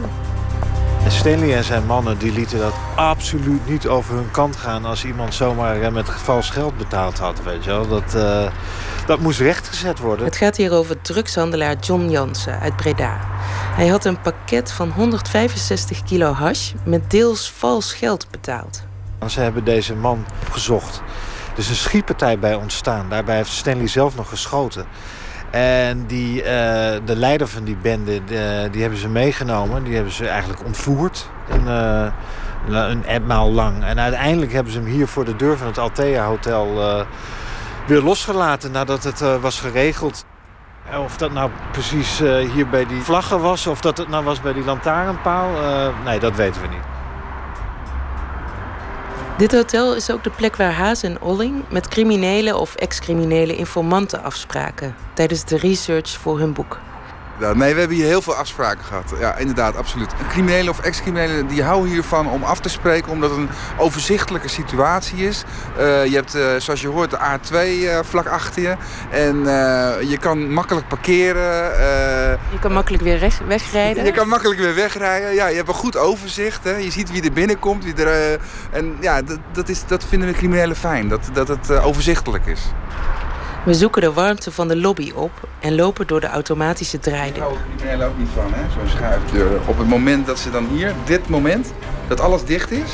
dan hebben ze altijd even een gevoel van, oh, ik zit opgesloten. Dat is echt waar. In zo'n draaideur. Ja, dat is echt waar. Stanley Hillis werd in 1946 geboren in Den Haag. Hij zou in het Vreemdelingenlegioen gediend hebben en begon al jong als bankrover. Dat ging op de old school manier. Binnenlopen, op de balie springen, dit is een overval roepen en dan onder bedreiging het geld incasseren. De oude was er nogal fanatiek in. Dan heeft hij bijvoorbeeld een, een, een, eh, een, een kraak gezet. En eh, een succesvolle kraak. En vervolgens, de dag daarna of de nacht erop, is hij alweer bezig met een volgende. En, en, en dan, eh, die week erop, doet hij er nog drie. En dan denk je van, wat, wat, wat bezielt die man? Nieuwsdienst verzorgd door het ANP. Uit de Belmerbaaiers in Amsterdam is vanochtend de gedetineerde ontsnapt. Maar liefst viermaal ontsnapte de oude op bijna achterloze wijze uit de gevangenis. Volgens een politiewoordvoerder is hij tijdens het luchten over de gevangenismuur geklommen en via het ijs op de omringende... Het bankovervallen, eh, daar kwam eigenlijk de klad in. Dat was eind jaren 80 eh, eh, niet meer zo in trek onder criminelen, omdat de banken zich steeds beter begonnen te beveiligen. De drugshandel bood hem de gelegenheid om op een manier crimineel actief te zijn, waarmee hij zich eigenlijk veel beter buiten de schijnwerpers kon houden. En hij kon een ander talent van wat hij, wat hij wel degelijk bezat, namelijk het organiseren of in ieder geval het leiding geven aan anderen. Dat kon hij heel erg goed eh, kwijt in de drugshandel. En daar zeg je gewoon: ik wil dat het zo gebeurt, of ik wil dat het zo gebeurt. Weet je? En dan zijn er anderen die dat moeten uitvoeren. na de dood van Bruinsma eh, zou je kunnen zeggen dat dat eh, als een soort vliegwiel gewerkt heeft eh, voor zijn eh, carrière in de misdaad. En ook voor de carrière in de misdaad van bijvoorbeeld iemand als Min Kok. Stanley Hillis had een slechte jeugd, met alles erop en eraan. Maar ja, dat verklaart natuurlijk niet alles. Eigenlijk hebben de meeste criminelen geen gelukkige jeugd gehad. Hè? Maar eh, niet iedereen met een ongelukkige jeugd wordt crimineel. Weet je wel? Er zijn er ook die, eh, die zwerver worden. Of er zijn er die juist gewoon eh, toch uiteindelijk een maatschappelijk aanvaardbaar bestaan gaan leiden.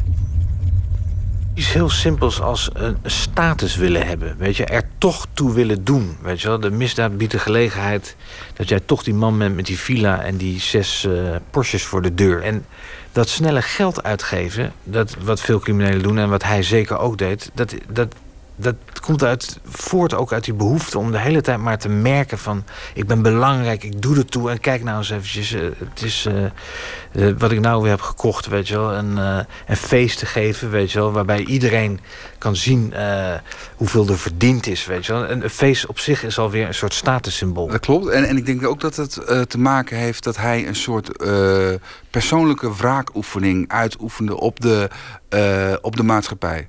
Gewoon de maatschappij die hem ja, heeft gevormd, of misschien wel heeft misvormd, hè, zou je kunnen zeggen.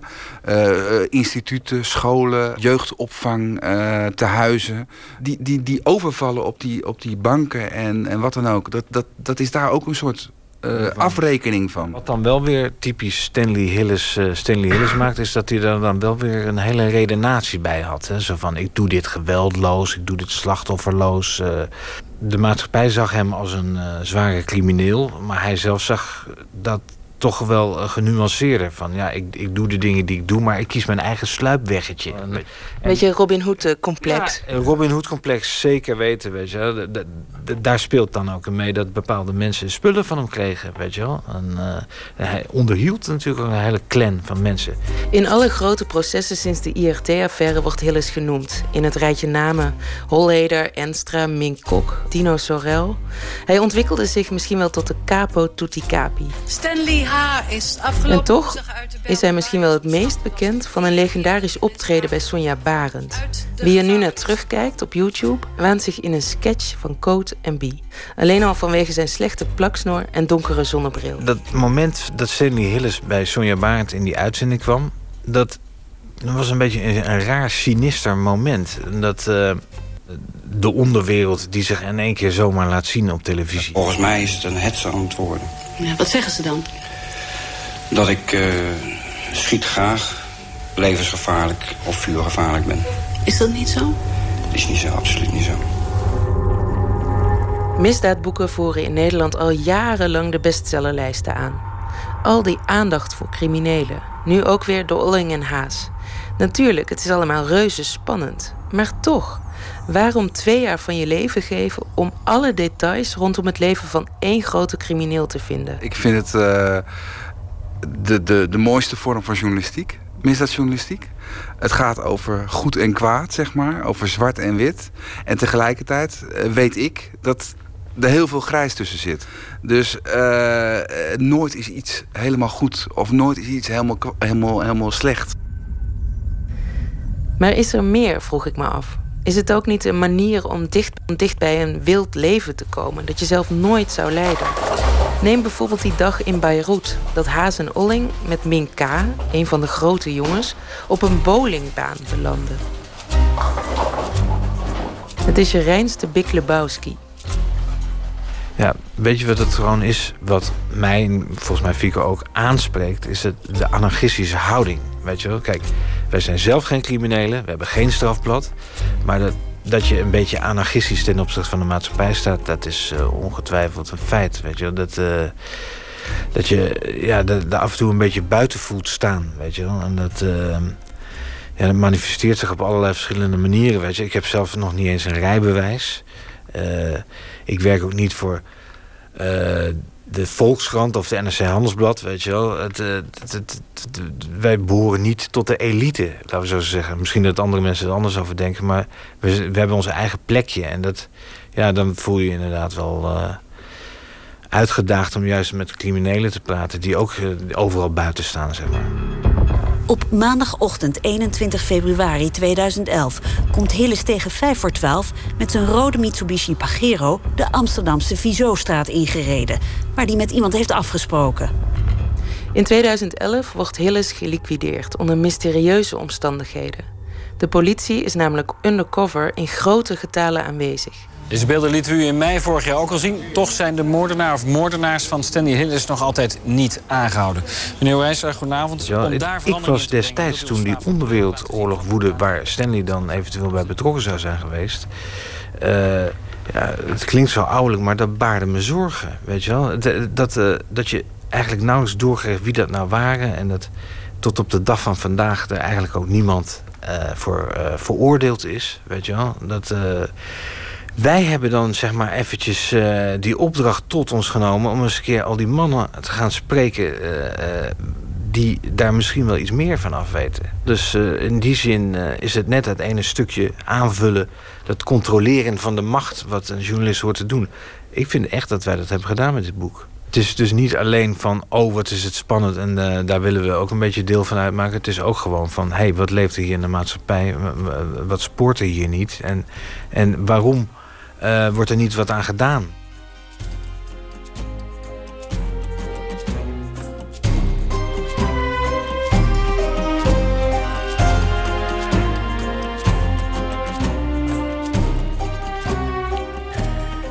Emmy Colau was dat en zij sprak Vico Olling en Martijn Haas over Stanley Hillis en het boek De Koude Ouwe. The Bees, een zeskoppige band afkomstig van het Britse eiland Isle of Wight. En hun album heet Octopus en dit nummer heet Listening Man.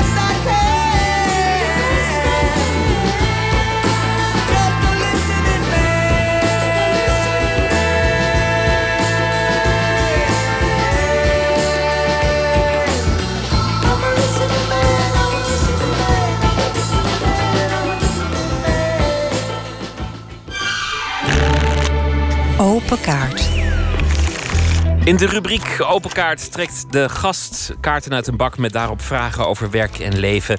De gast illusionist Sabine van Diemen. Een wonderlijke verschijning in de toch wat mannelijke wereld der illusionisten. Maar dat is geen enkel probleem. Zij zaagt mannen door in plaats van dat de vrouw wordt doorgezaagd. Begon ooit als danseres bij het Holland Show Ballet.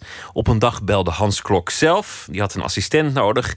En zo is zij in die wereld eh, terechtgekomen. Inmiddels reist ze de wereld rond met vijf andere illusionisten met de show Impossible. Hartelijk welkom, Sabine van Diemen. Hi. Wat een, eh, wat een wonderlijke carrière om van, eh, van, van danseres illusionist te worden. Goochelaar, tovenaar, Ja, magician. magician. is ook een mooi, mooi, mooi woord. Was dat altijd al een, een- heimelijke droom? Wist je al dat je daar verlangen naar had? Nee, totaal niet. Ik, ik, ehm, ik had helemaal niks met magic. Ik wist er niks van. Ik had er nog nooit iets van gezien. Ik had geen idee. Nee. Je wilde gewoon dansen Ik wilde gewoon dansen. Ik, nee, ik, wilde, ik wilde in het Holland Show Ballet dansen. Wat was het moment dat je, dat je wel ineens magician wilde worden? Nou, wij, ehm, ik was 18 toen ik in het Holland Show Ballet zat. Toen hadden wij première van de nieuwe show Novo Mundo. En in die show zat een illusionist. En die had een assistente. En die scheurde haar enkelbanden op de dag van de première. Dus toen keek ze gewoon het ballet rond. En toen was het van... eh, jij, je hebt nu een half uur om dit blok aan te leren. Het was een blok van 20 minuten. En dat heb ik toen gedaan. En die avond deed ik de eerste illusie. En ik kwam uit een kooi. Ik vergeet het nooit meer. Ik kwam uit een vuurkooi. En ik keek naar dat publiek. En, en de mensen klapten. En ik zag de verwondering. En toen dacht ik meteen... Oh, dit vind ik te gek.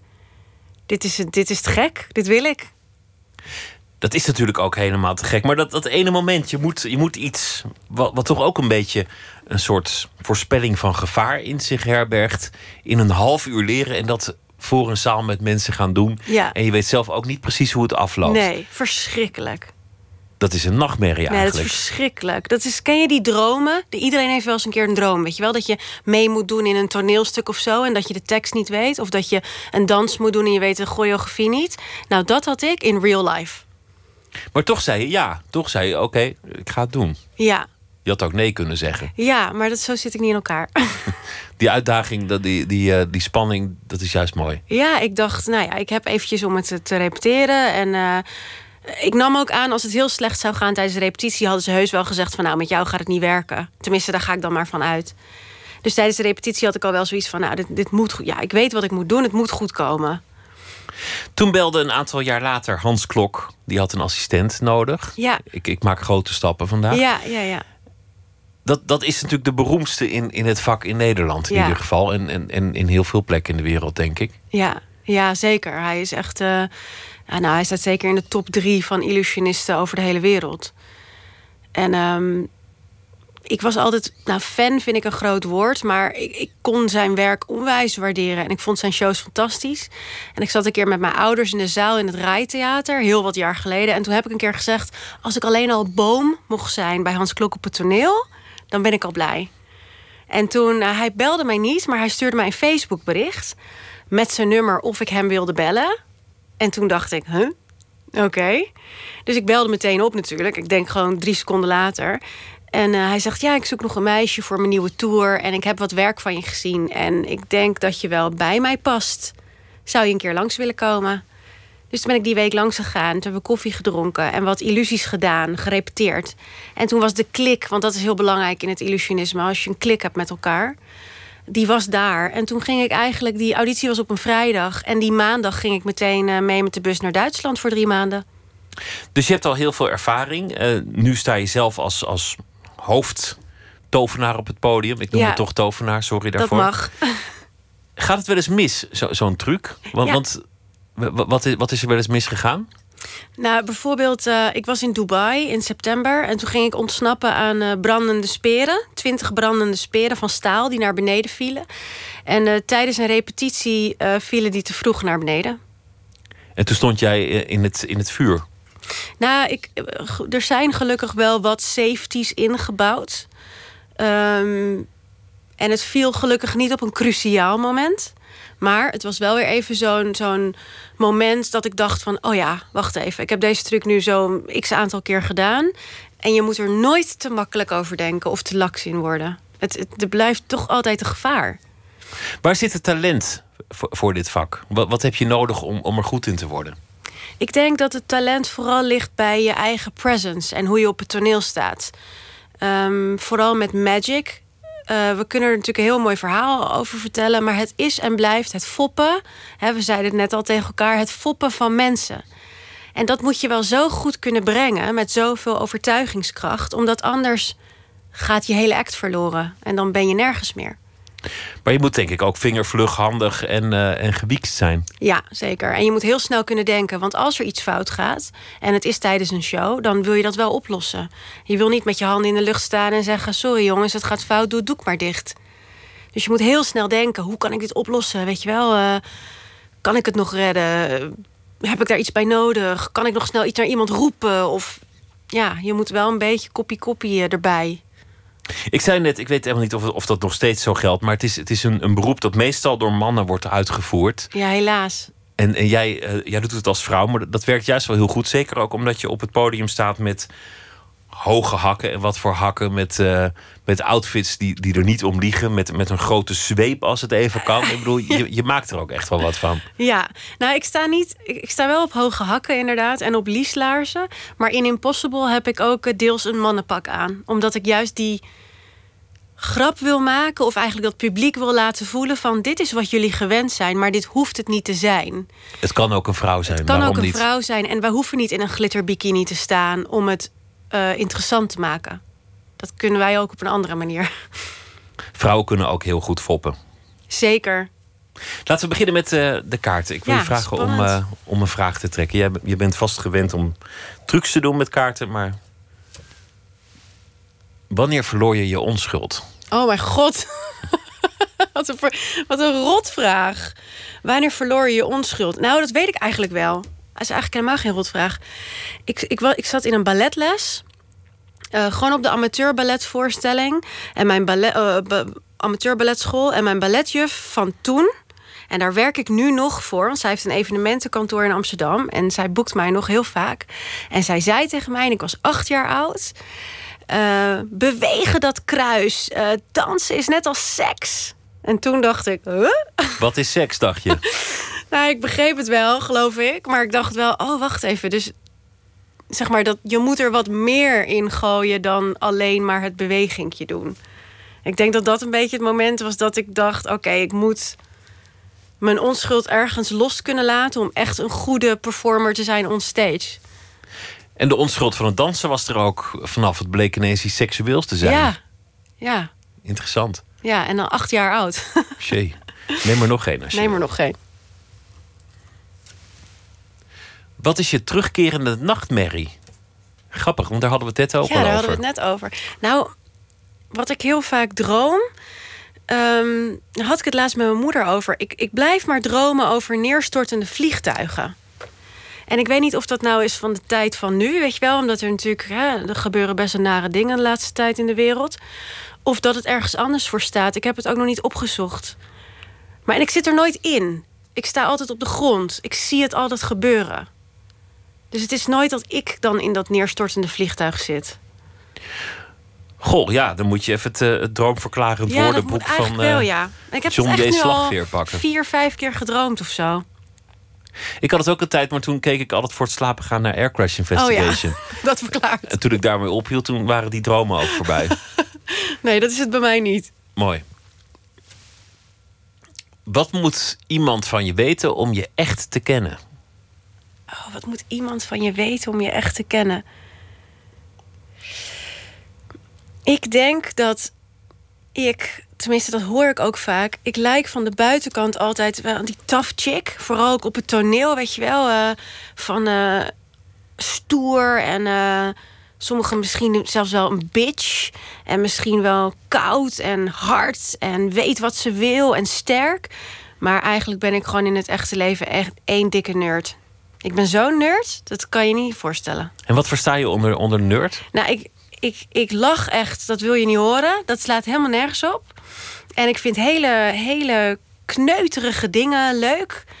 En, en, en zoals ik op het toneel sta met mijn haar omhoog en in de make-up en in, in, in, in, op mijn hakken. En dan loop ik thuis in, in, in mijn konijnen onesie met de oren en, en een staart. Het is echt een, echt een, een, een podiumpersona. Ja. Ja, Interessant. Laten we nog een. eh, nog één. Ik denk dat mensen zich daar ook wel vaak in vergissen hoor. Want die gaan natuurlijk dan voor dat character on stage. En dan leer je me echt kennen. En dan denk je, oh, ik denk dat het misschien voor sommige mensen wel eens tegenvalt. Wat is je grote angst? Eh, mijn grootste angst is om mijn ouders te verliezen. En ehm, dat is natuurlijk verschrikkelijk, want als het goed is, gebeurt je dat als kind. Ik bedoel, hè, als het leven chronologisch gewoon verloopt, dan verlies je als kind je ouders. Het is natuurlijk. Het is natuurlijk, maar ik ben natuurlijk ook veel op reis. En ik heb echt een fascinatie voor mijn telefoon. Ik moet altijd weten of het thuis goed is. Weet je wel? Eh, ligt er niemand in het ziekenhuis? Is iedereen gewoon naar zijn werk gegaan en weer thuis gekomen? Ligt iedereen in zijn bed? Mooi. Dan kan ik zeg maar aan mijn dag beginnen. Dat is echt, eh, het is bijna een fobie. En heb je angsten in je werk? Want, want je had het net over brandende speren die naar beneden komen. Er gebeuren natuurlijk andere wilde dingen op zo'n eh, op zo'n podium. Ja. ja, ook daar ben ik. Ik ben. Dat is ook heel grappig, want ik lijk dus inderdaad altijd heel koelbloedig. Maar ik ben eigenlijk een scheiterd. Echt heel erg. Maar ik check alles honderd keer. En ik vraag alles honderd keer na aan de illusiebouwers bijvoorbeeld. Ik denk over de meest rare dingen na. Dan zeg ik, kan dat eh, schuifje niet de andere kant opslaan? En dat ik dan vastzit en bla bla bla. Weet je wel, ik verzin altijd de meest horrortheorieën in mijn hoofd. Maar dan denk ik, dan heb ik alles maar gecheckt. En dan hoef ik daar ook niet meer over na te denken, weet je wel. En dan lopen ze met me hele illusie na. En dan zeggen ze, nee, kijk maar. Hè, dit werkt zo. En dat kan nooit de andere kant op. En dit is sterk genoeg. En dit is een staalkabel. En, en helemaal totdat ik eh, ja, confident ben, zeg maar. Dat ik er vertrouwen in heb. En zo kan iets dat in wezen onveilig is, heel veilig worden. Misschien, misschien dat dat ook die, die droom verklaart van die neerstortende vliegtuigen. Dat is ook iets wat van nature onveilig is, dat heel veilig is gemaakt. Ja. Ja, daar had ik nog niet over nagedacht.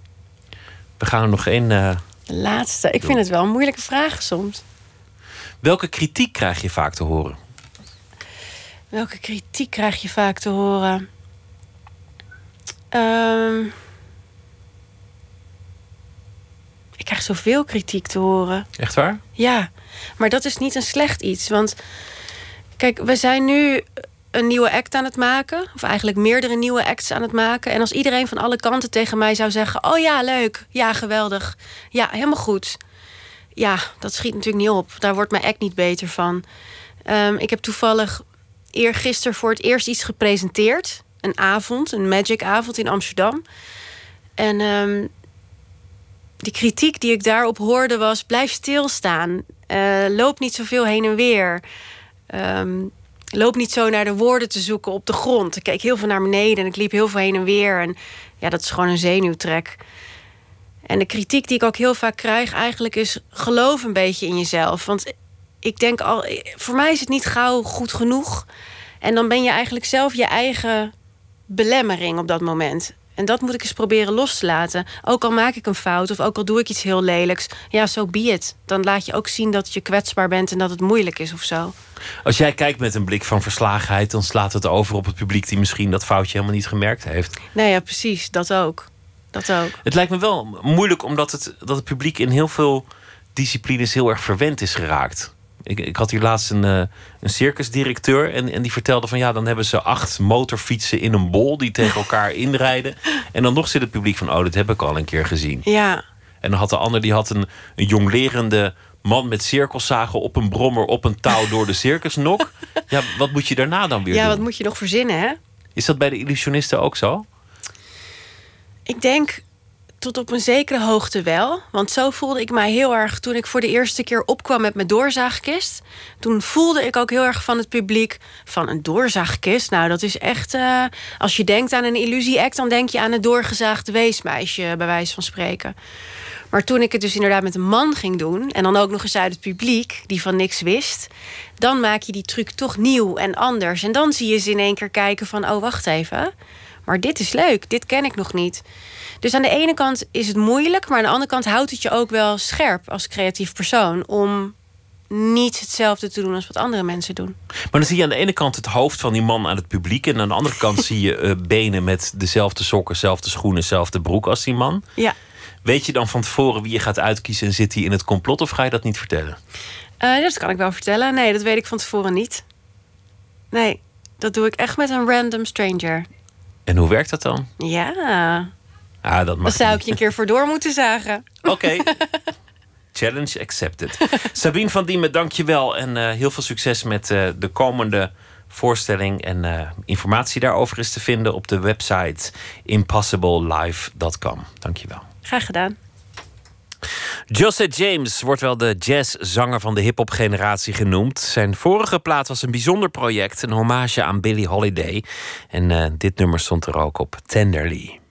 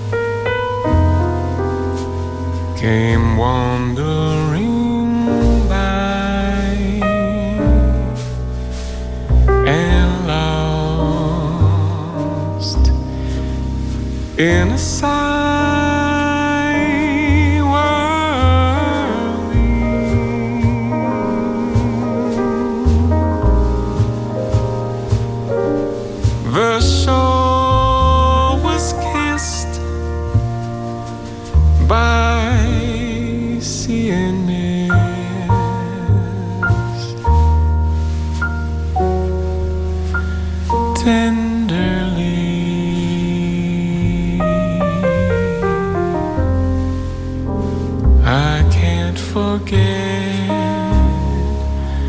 how two hearts met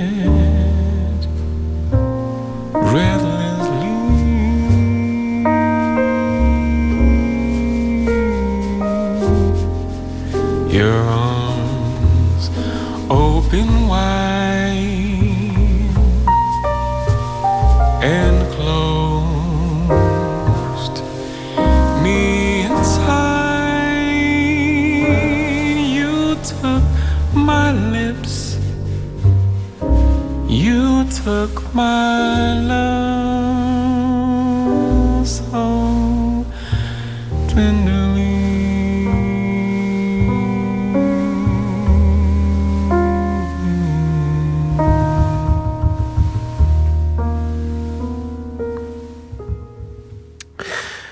Tenderly van eh José James. Een eh, uitvoering van een nummer van Billie Holiday. Eén minuut, een reeks wonderlijke verhalen in 60 seconden. Die van vannacht heet Lieve. Eén minuut. Een paar weken geleden werd ik plotseling opgebeld. Je moet snel komen, want ze is ernstig ziek. Ik dacht echt van nou, nou dat, dat gebeurt mij niet. Van echt het gevoel hebben van je verliest je kind. En ik reed in de auto. En toen ik, kreeg ik in één keer het besef, ja maar het kan misschien wel. En alleen dat idee al, de tranen die, die biggelden over mijn wangen. En op het moment dat ik bijna was op de plek waar ze stond, in Uffelte... toen kreeg ik een telefoontje dat ze inmiddels was overleden... en dat ze geen spuitje meer nodig had. Lieve, lieve Gerdien uit Zwiggelt. Mijn Zeeuws trekpaard.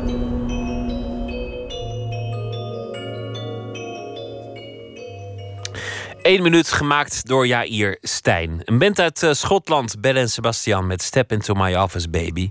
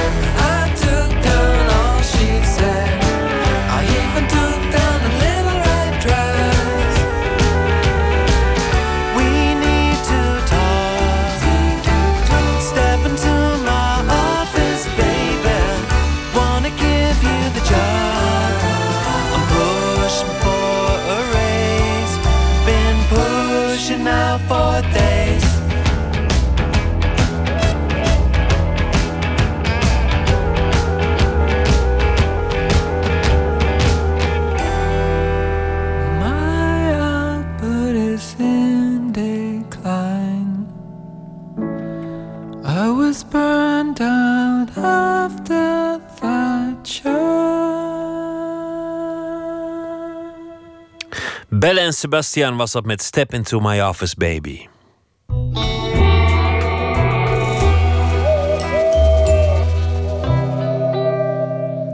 Schrijver en dichter F. Starik zal deze week elke nacht een verhaal schrijven om de dag mee af te sluiten. F. Starik, goeienacht. Goedenacht. Vertel, wat, eh, wa- wat is het geworden vandaag? De tandarts. Oh jee. Oh jee. Tandarts. Vorige maand, ergens halverwege december, ben ik plotseling en vrijwel gestopt met roken. Voor het eerst in mijn leven.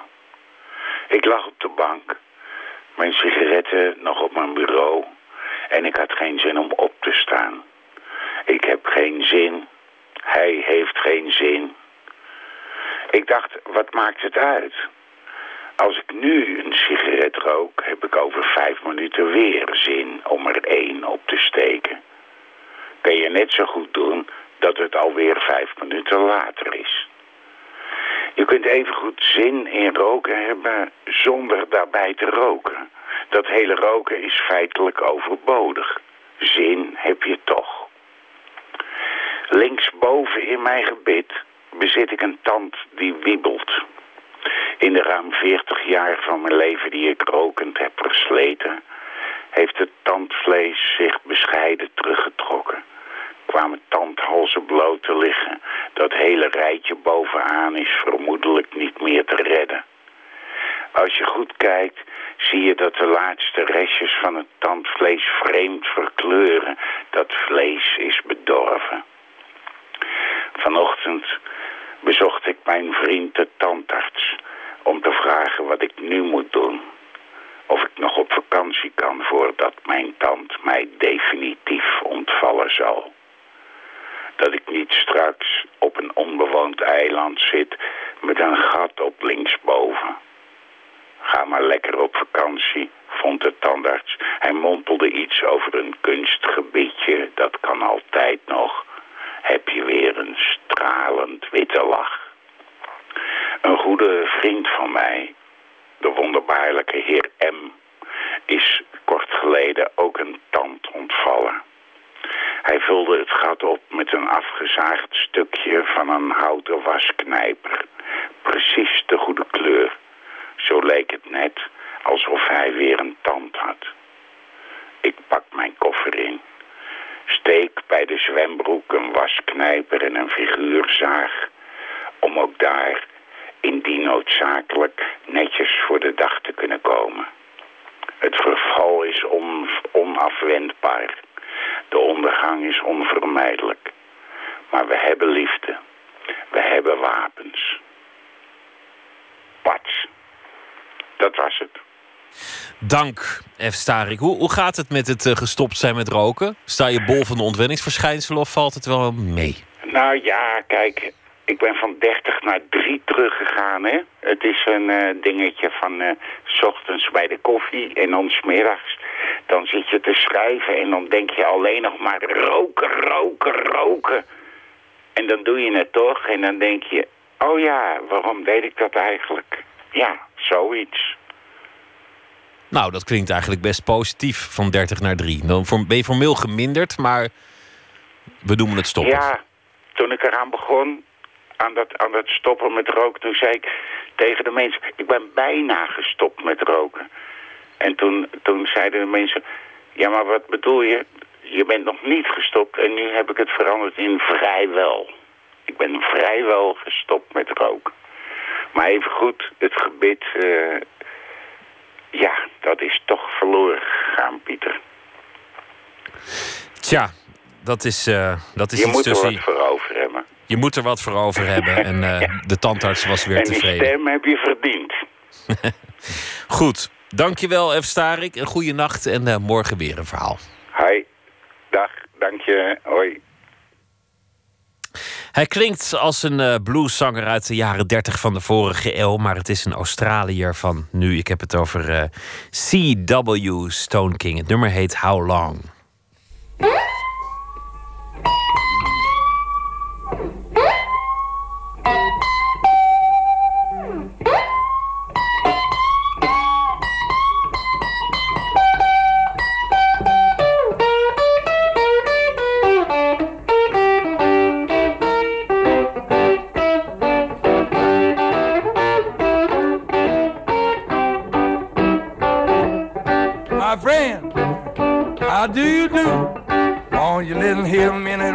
Sing my blues? 1974, a river blood laid me out upon this shore. I don't know why I'm here, born with the crack of thunder ringing in my ear. My heart started jumping, I began to shout. Stuck here wondering what it all about. How long?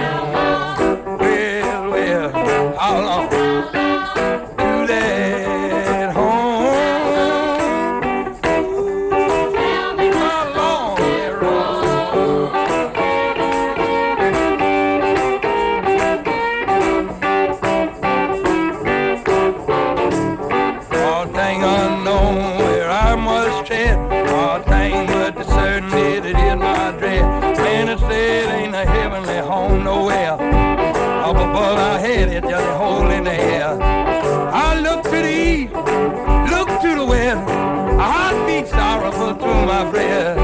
Child crying, Daddy, what's wrong with you? Can't be satisfied, no matter what I do. How long?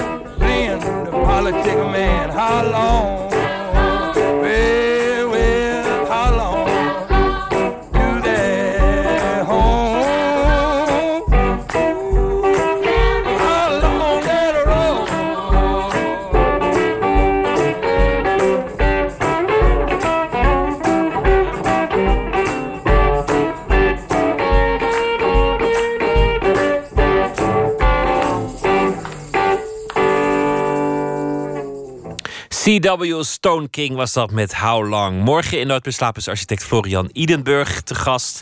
Hij is in het land. Hij was eh, verantwoordelijk voor het Stadstheater Almere... en het New Museum for Contemporary Art in New York.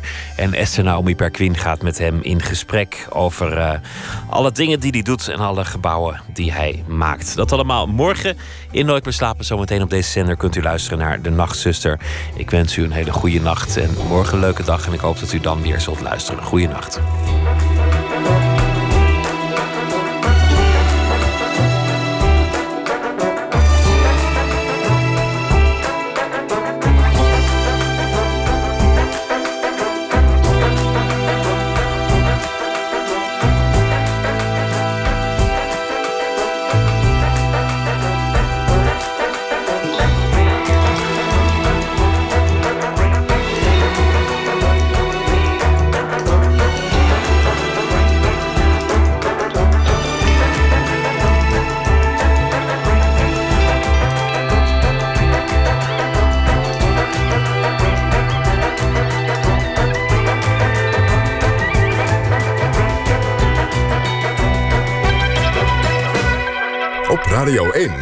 nieuws van alle kanten.